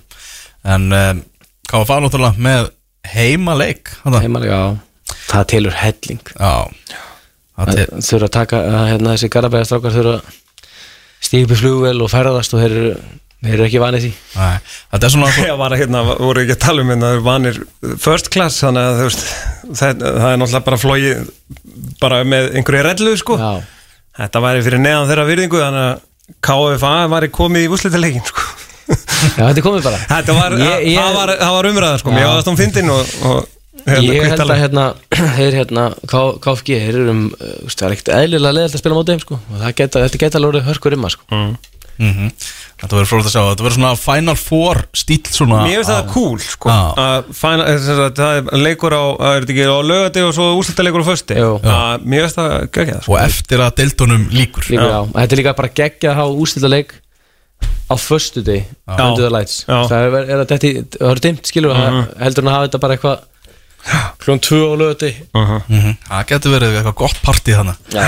Og meina, gott að ekki verið fyrir klúbana Svona að fá, eins og segja, bara allt sitt fólk Einhvern veginn saman og, og búa til Já, stemmingu ég sé fyrir mig bara að víðismenn, úst, þegar segir maður landi þessu að, að hérna, Bergþóri Nesvis geði bara öllu starfsfólki frí hérna á mánudeginum og það verður bara risa helgi Já, Bara auka vestunumanna helgi auka bara. helgi, já. Það gefur auka frítag Já, við styðjum það alla leið. Risa partí í Þórtúrsingarum Heyrðu, það er 2-0 fyrir Arsenal á móti Nottingham Forest í er? Háleik Etienne Ketia og eh, Bukayo Saka með stefnir Thierry Henry. Nei, hvað er það? Enketia Já. Nýju Thierry Henry. Já, rapparinn, geð það ekki, var ekki hann ekki að en hann ekki er, að- Var það komið í ljós? Ég held að það sé ekki búið opnubera En ég held að hann sé hann að leini rapparinn. Já, það var hann að því að hann er með eitthvað tattu á hendinni eitthvað sem, að, exposure Já. Já. Harry, Harry Kane komin til Bayern München. Svakalegt Svakalegt sko. Við að njúkastlega menn fögnum þessu ævintýralega mikið sko. Já. Harry Kane uh, Ég sá svo stundum sem að tóttina mér mikið að svona Já, bara gaggrín þetta.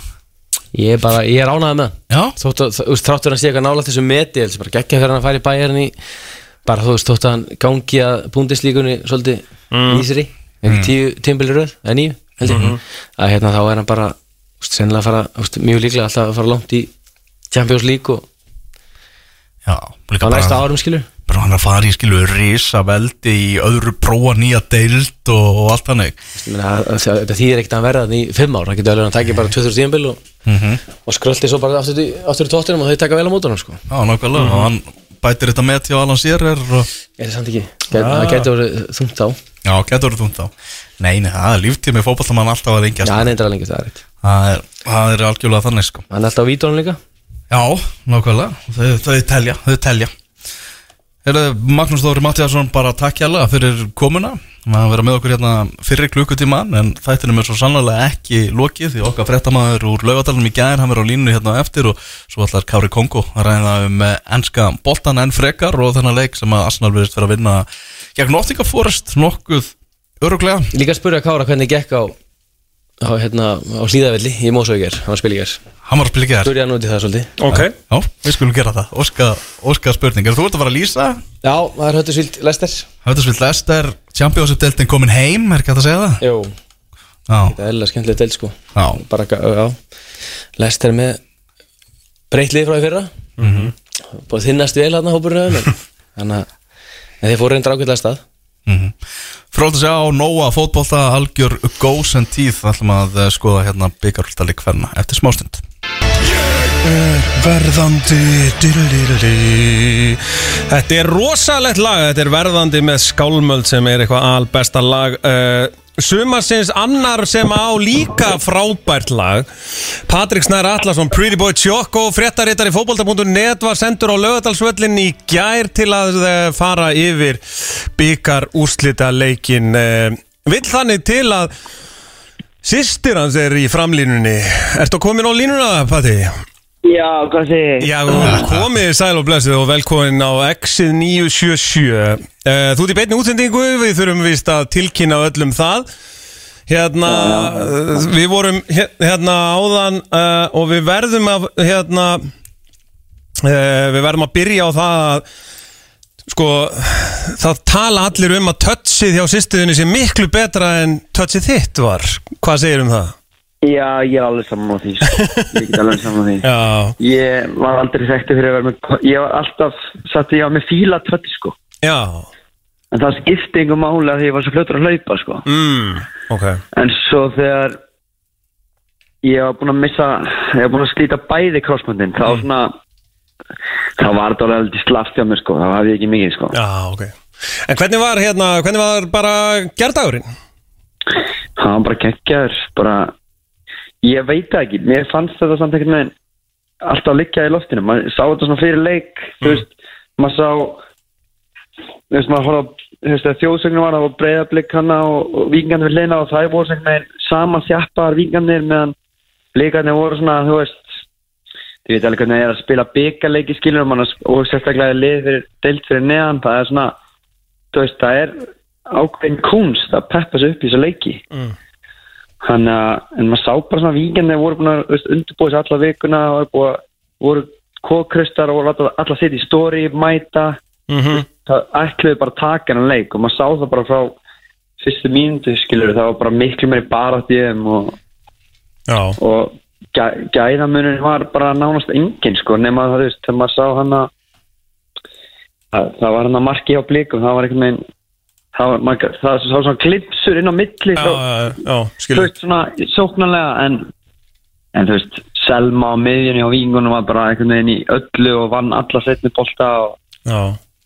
og, og þú veist ég veit ekki, það var bara geggja sko. Hvað hérna, ég meina það, leikurinn byrjar og það eru 20 sekundur liðnar eða eitthvað og þá kemur sýstið inn og, og neglir inn fyrsta markinu af harðfylgi, þetta var nú svona hérna helviti gott mark já, þetta var og gott mark. kveikir í stúkunni basically, er það ekki? Já, jú Já, þetta voru, þetta voru svona þú veist þetta, hún var svo þetta var bæði þessi mörk hjá henni þetta var svona alveg sendis mörk hún var svona klók ekkert með bara, Mhm.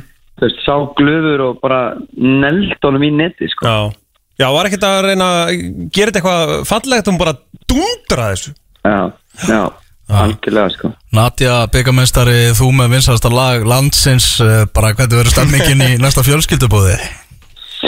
það er góð spurning sko, það er alltaf stemming í fjölskyldubóðum hjá okkur sko. Já, ég get trúið það ekki Já, Já, það er hérna, þetta er mjög stór og samheldi fjölskylda og allir aðteklisjúkir og keppa sem aðteklina.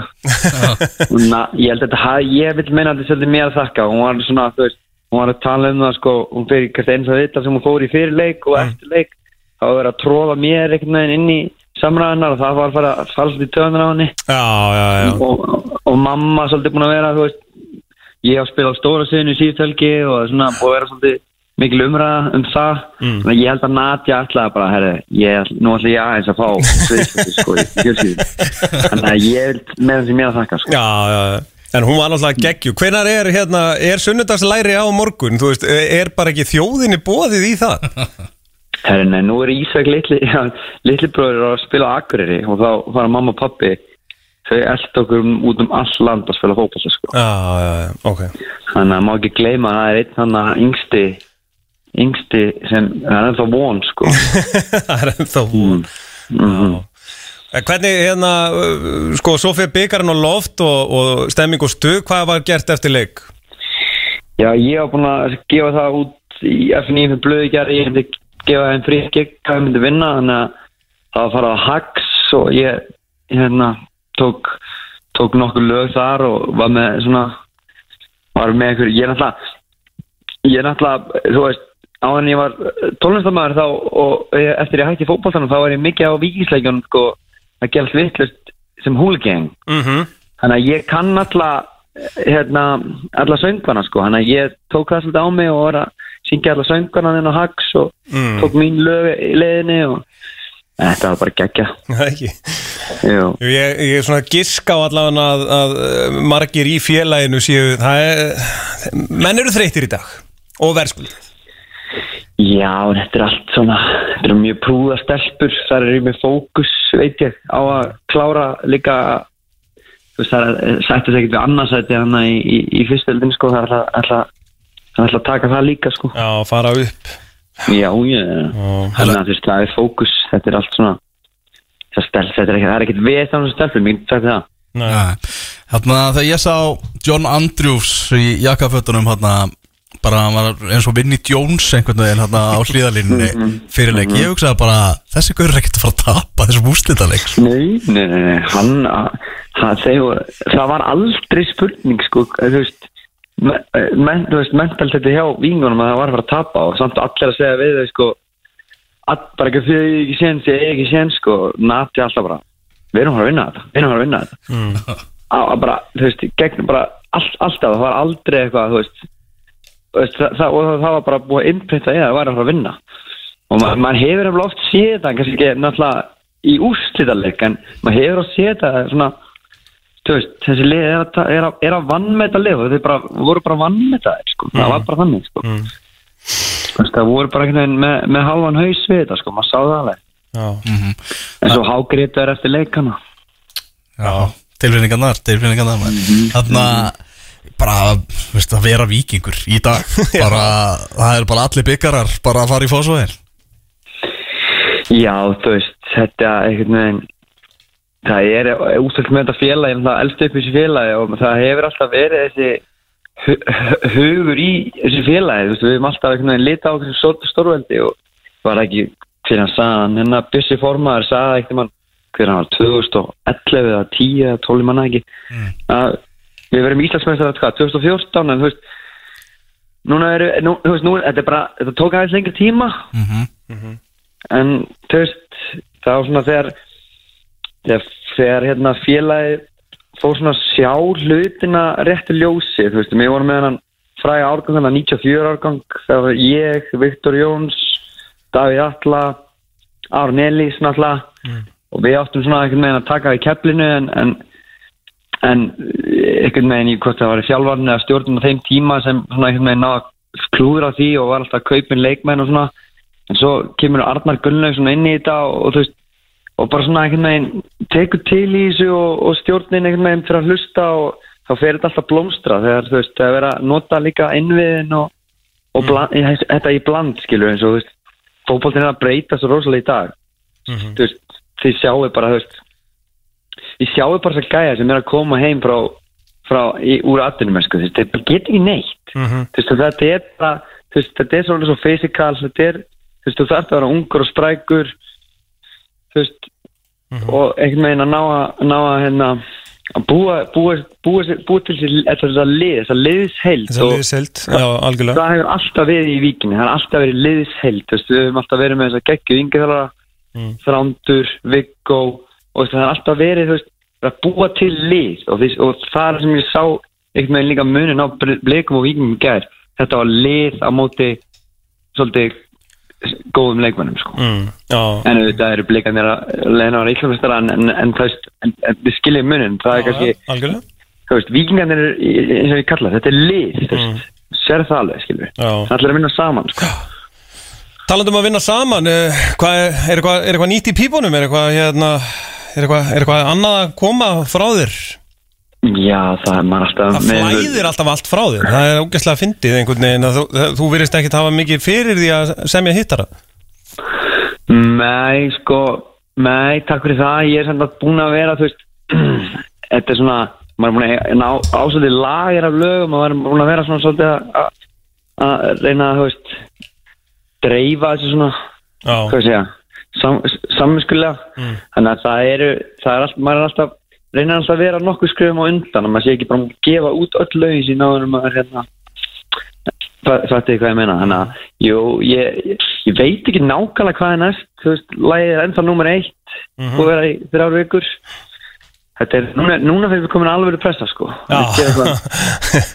En ég held að það sé bara, bara að halda áfram Er ekki, er ekki skrítið að vera bara, þú veist, allt inn í þeirri stöðu að þú ert kannski að lappin í einhverja búð eða ert að fara á íþróttakappleik eða eitthvað þitt er bara gjössalega út um allt, þú ert að heyra þetta allstað Jú, það er mjög skrítið og þú veist, það er sérstaklega svona fyrst en svo, þú veit alveg hvernig hausin á manni virkar, þú veist, maður, maður er svo fljótur að venjast og, og maður er svo fljótur að gleyma og maður er alltaf einhvern veginn byrjar að horfa á, þú veist, hvað næst og hvað, þú veist, alltaf, alltaf farin í þetta en, en, en jú, þetta er, það alveg, það gaman að, það var alveg góð tilfinning að það verið að spila lögin minn eftir leikana í gær og natja í viðtölum og allir að fagna og maður er einhvern veginn leiði svo bara svona, þú veist, þetta væri bara dagurinn okkar sko. Er ekki, er ekki exið örgla bara einu staðurinn sem á eftir að, það sem þetta lag á eftir að hljóma ja? Skína.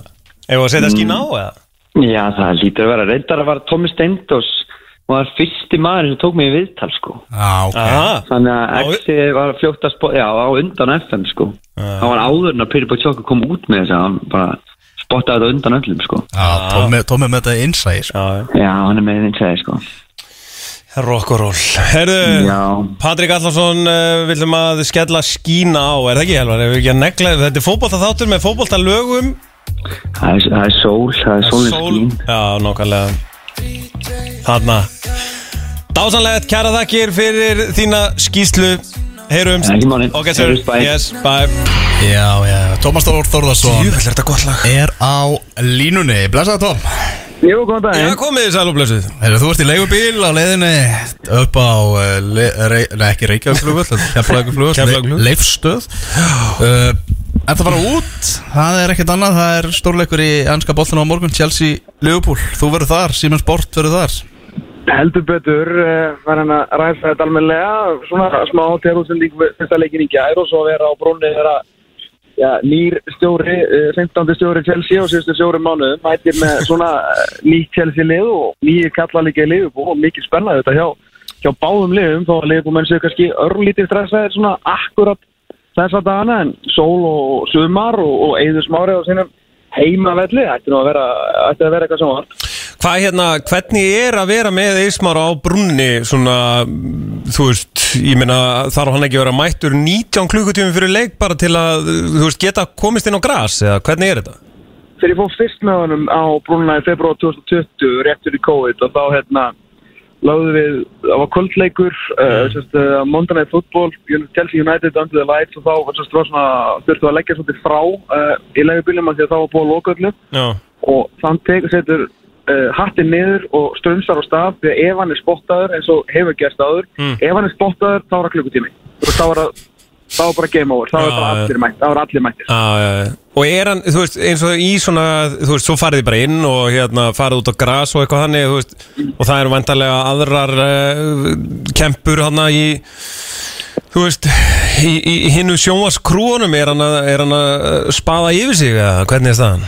uh, hann er mjög hæglátur maður í raun og veru og svona er ekkert mikið því að ég mitt í svona en ég get lofa ykkur því og það sem ég sé margóft og það er enginn sem að helsa hann ekki.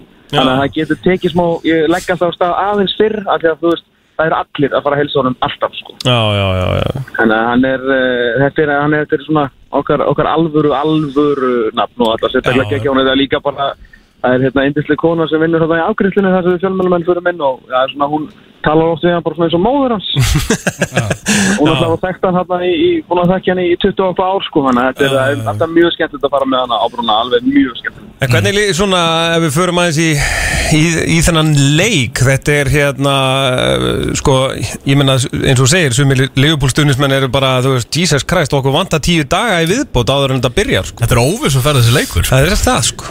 Þetta er þannig bara hverju vera á miðjunni hjá, hjá leikin, mm. hvar, hvar endar hann? Og það er náttúrulega ekkert eðlilega að fyndi reyndar ef hann er kynntur fyrir leik, það er svona alvöru fólkimarki frá til, Liverpool, Já. en hérna, þetta verður mjög, mjög fróld að sjá bara hvort að maður kallist til og er að fara að starta inn á leik og það er alltaf að gera og líka bara svona spennandi gæjar báða megin, alltaf sérstaklega svo på slæg, hvernig kemur þessi triltasokk Liverpool til leikskiluðu, það voru svolítið upp og niður í fyrra en maður er alltaf svona spenntu fyrir þessum sóknar kvintet sem þeir hafa verið að ráða. Og svo er bara, þú veist, Nicholas Jackson og Chelsea er þetta ungu strákur sem er að fara að grípa deildina með hótnum sér? Og svo eiginlega gæðin sem ég er mest spennt einn, af mest spennt fyrir því að ég, hann er bara ofljótur og ofgóður til að vera jafn lélugur á mæri fyrir. Og maður vil bara gefa öllum sem voru Chelsea smá svona benefit, á þetta át út af kæftæðinu sem var og það er Mikael Mudrik Já, já. Hann er alltaf búin að gegja ára undirbúinastíðumbilinu allavega. Ég veit að hann er nefnilega, þú veist, þú ert ekki svona fljótur og svona góður að rekja fótboltan og gerir ekkert, þú veist, að viti. Það er bara, þetta meikar ekkert sens, sko. ég, ég er spenntur að sjá.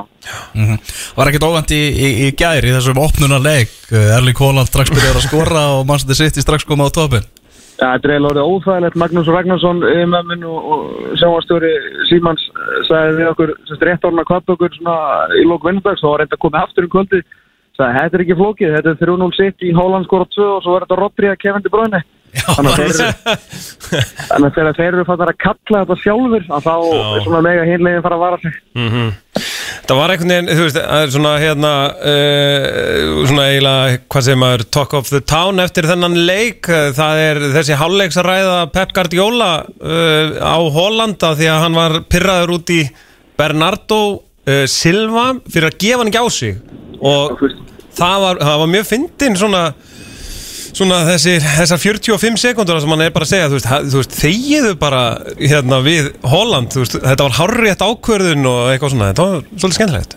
Þetta var rosalegt og pæli í bara að gera þetta ekki að þeir mætir í dildin í fyrra slær markametið bæði Premier League og þú veist all time hérna, eða sérst fyrir ekki sérst slær hérna í 38 leikjum og, og 46 eh, hérna 52 mörg bara gæna alltaf bara einsmanns her þegar kemur að vera súperstjarnar en nánast orðin stærri þetta eru liði sjálf allir krakkar í Holland treyjum gæna alltaf algjör guð.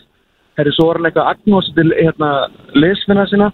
Þá mætir bara stjórin og læta hann heyra það fyrir framan alla. Já, þú veist, þetta er bara, þetta er bara svona Ferguson dæmi, skilur það, Mhm. og það gerir enginn svona, svona heldur hann líka heldur hann mönnum á, tánum. Það var líka, þetta heyrðu orðið sem hann sagði, hann sagði bara it was the right tempo. Og þú hægt þessu mitt Hann vildi eitthvað fá, ég vildi hann ekki fá hann inn fyrir hann, ég sá eitthvað viðtalið hann eftir leikina og vildi hann fá Jú, eitthvað jú. inn fyrir og, og svo hérna sagði Pep eftir á fréttamannafundinum að hérna, þetta verið hárrétt hjá Bernardo Silva.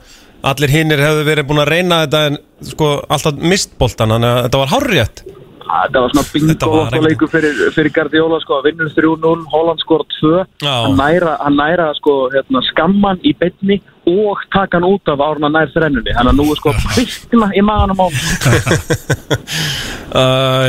Er ekki sett í uh, líklegast?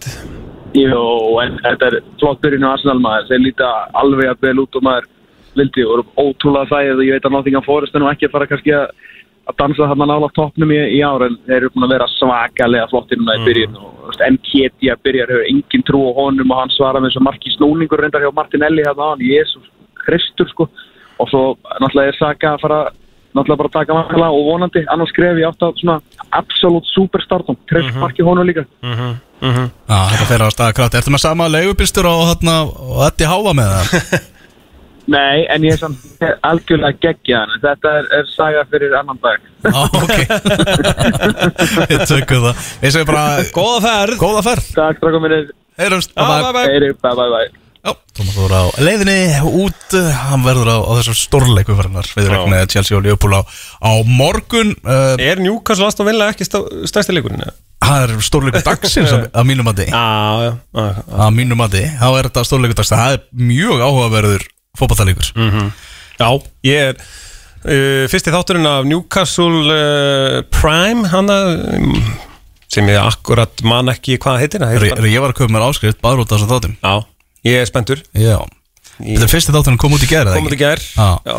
Ég var bara alltaf upptekinn við vinnu Horfa á fótbolt og drekka bjór til að ná honum sko er gott að drekka bjór, ég drakk svo mikið rauðvin í gær sko. það, er, það er smá hérna eftirlegu kynnti hérna núna sko. Já En Hvernig, ertu?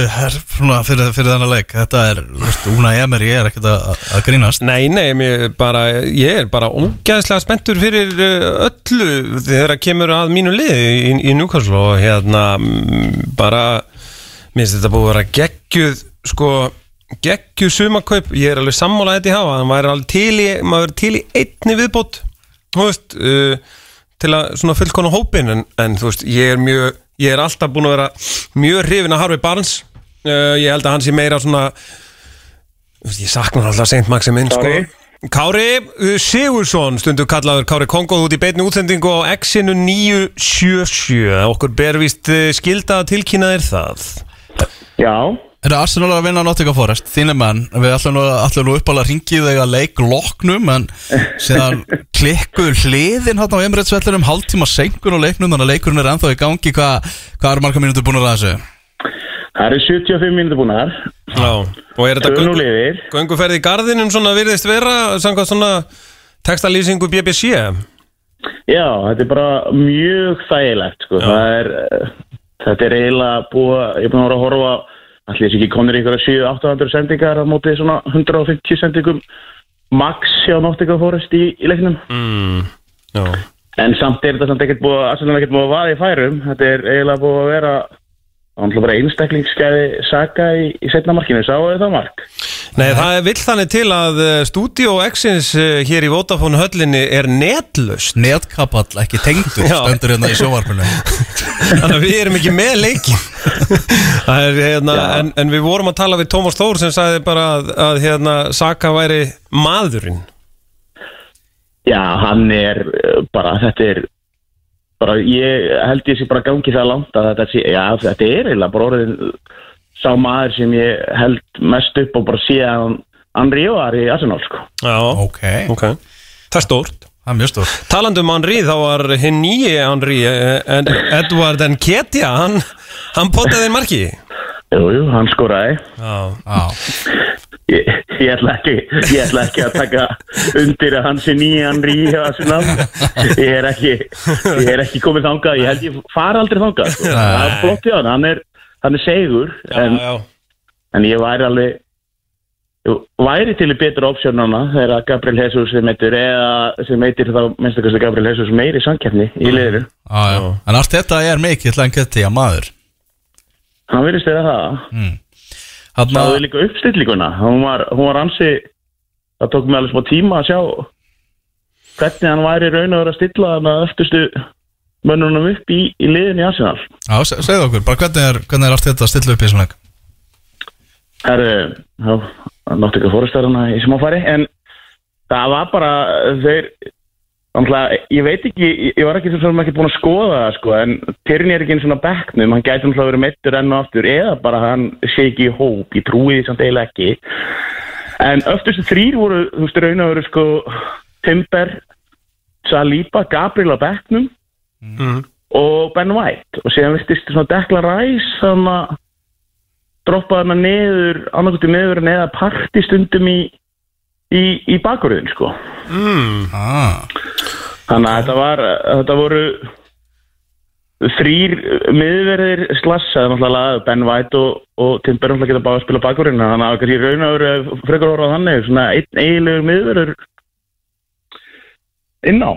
Já, og það eru margir sem eru gráta það núna í fantasy sem keftu Gabriel sem 5 miljónar krónar varnamann í, í fantasy-liðið sitt. Já, ég skil. Já En ef þú ert meðanláttulega Saliba sem er uh, nánast að verða, hann er svona topp uh, þrýr miðvörður í þessari deild allavega þá getur hann stilt upp í svona.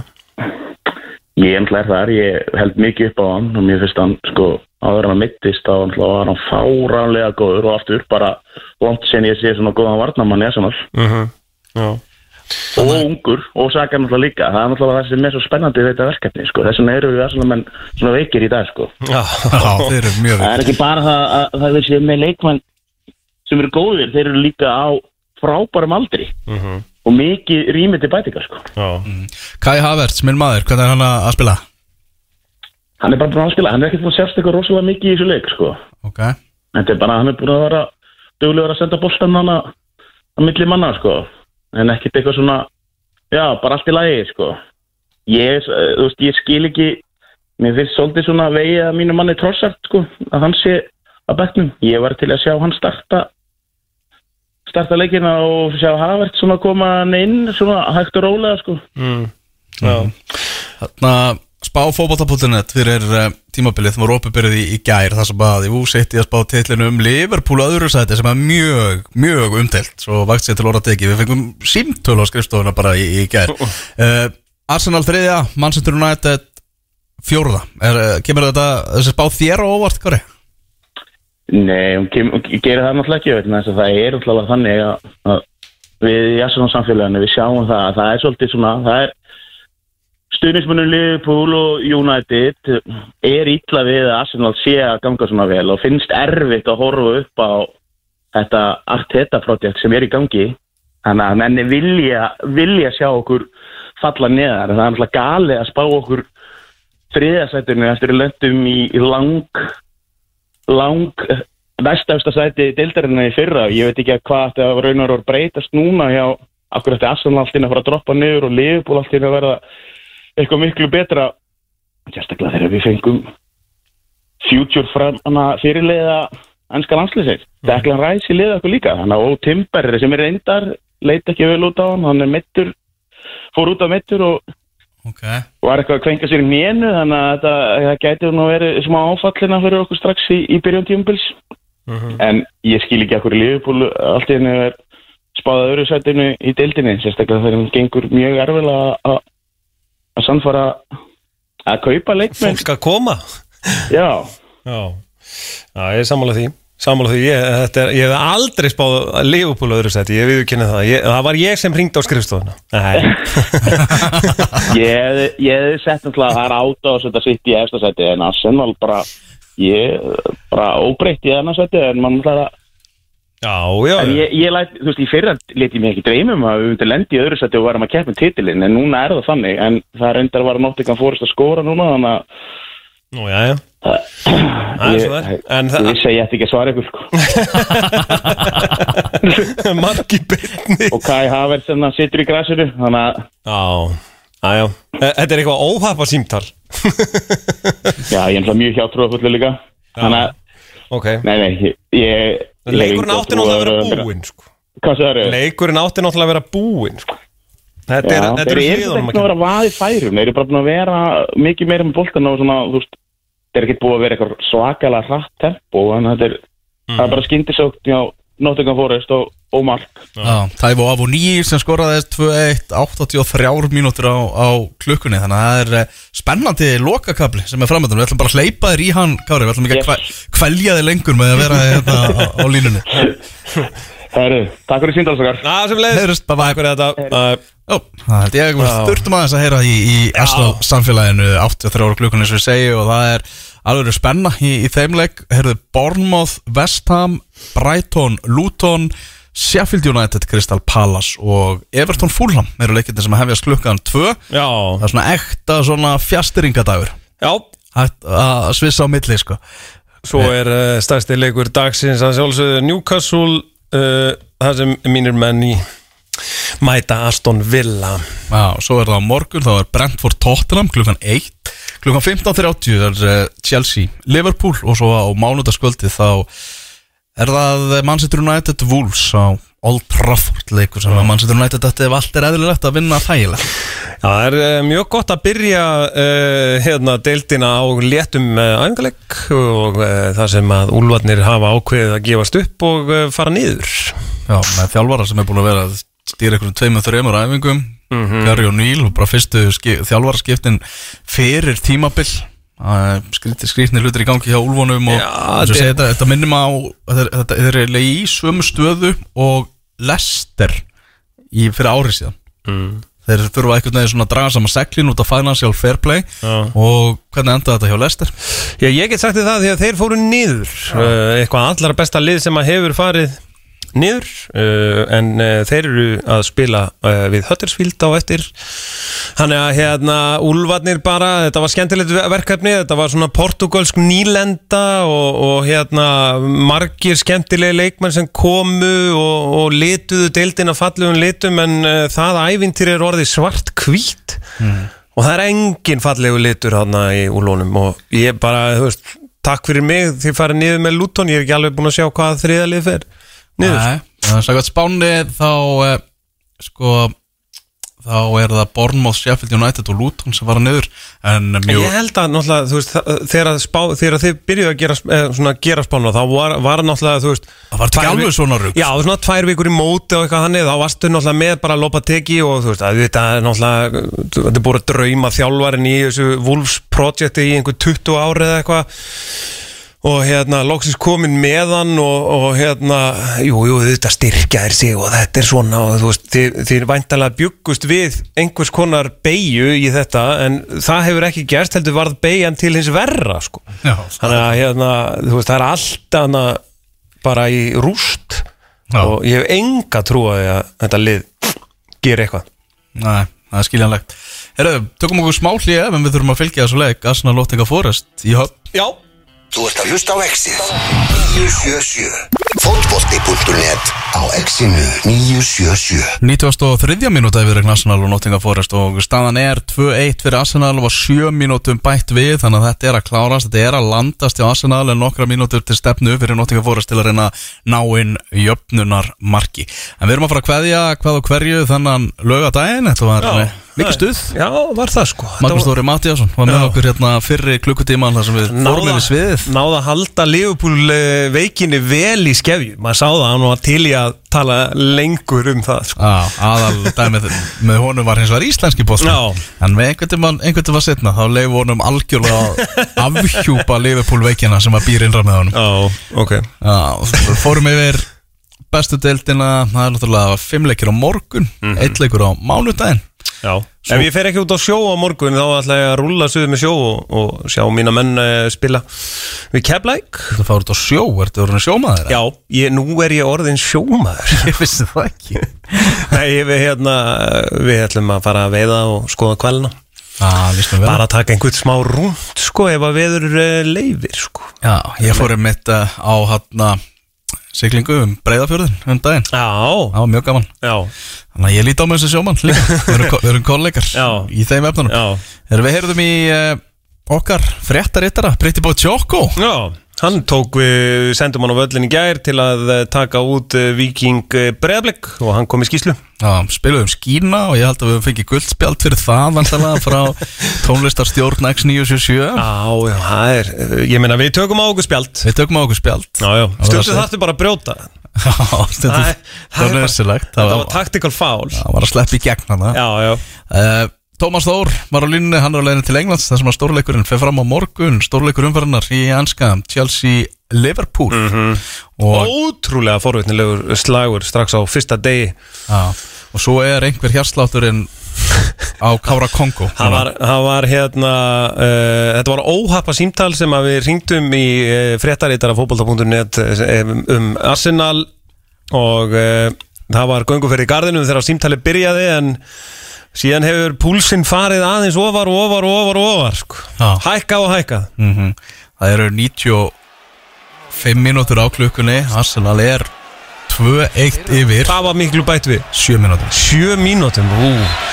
Gunnar Ormslefa lýsa hér uh, aukaspinnu Nottingham Forest. Já, Hansi fjölmeri heitin á teiknum. Barningur inn í teiknum. Kujati reynir skot Það var alltaf á leiðin yfir. Já, já. Já yfir, yfir markið. Það getur bara Thomas Partey hérna sem að Nei, Bukayo Saka er það sem að fengið eh, Hvað heldur þú, Elvar, með Bukayo Saka? Heldur hann ná að taka næsta skref og verða bara næsta súperstjarnar? Já, alveg- bara Ef alla trú á hann er Og líka bara síndi það eftir að hann Var fyrir hérna rasismannum og klúraði vítun í úrslitaleiknum á EM Allstar. Hann kom sterkur bara Já. strax á eftir Mhm. Þar Hausinn í lagi. Já, síndi alveg algjörlega úr hverju hann er gerður Þannig að Hann á eftir hann á allalið á toppin Þessi Já. strákur Mhm. Já, hérna hvað er að gerast með PSG, Benni? Herru, það er bara, eh, þeir eru að spila við Lorient í kvöld, eða Lorient eða eitthvað, ég veit ekkert hvernig þetta er búið fram. Uh, engin Mbappe, engin Neymar, engin Verratti í hópnum og uh, ég sá að Luis Enrique var að tjá sig uh, á fréttamannafundi um þetta og vonaðist eftir farsætli lausn franski fjölmilar fullir það náttúrulega að PSG sé búið að samþykja að selja Neymar fyrir rétt verð. Pappans steg hana fram og kallaði þetta Le Fake. Hana sem var uh, frábært uh, hérna komment.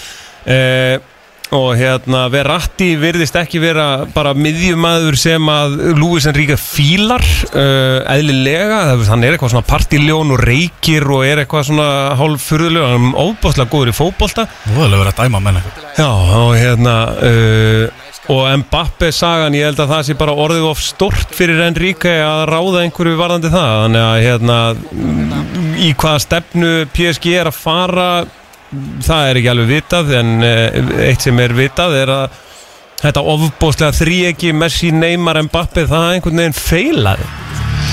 Þú ert að hlusta á fótbolti.net á Exinu 977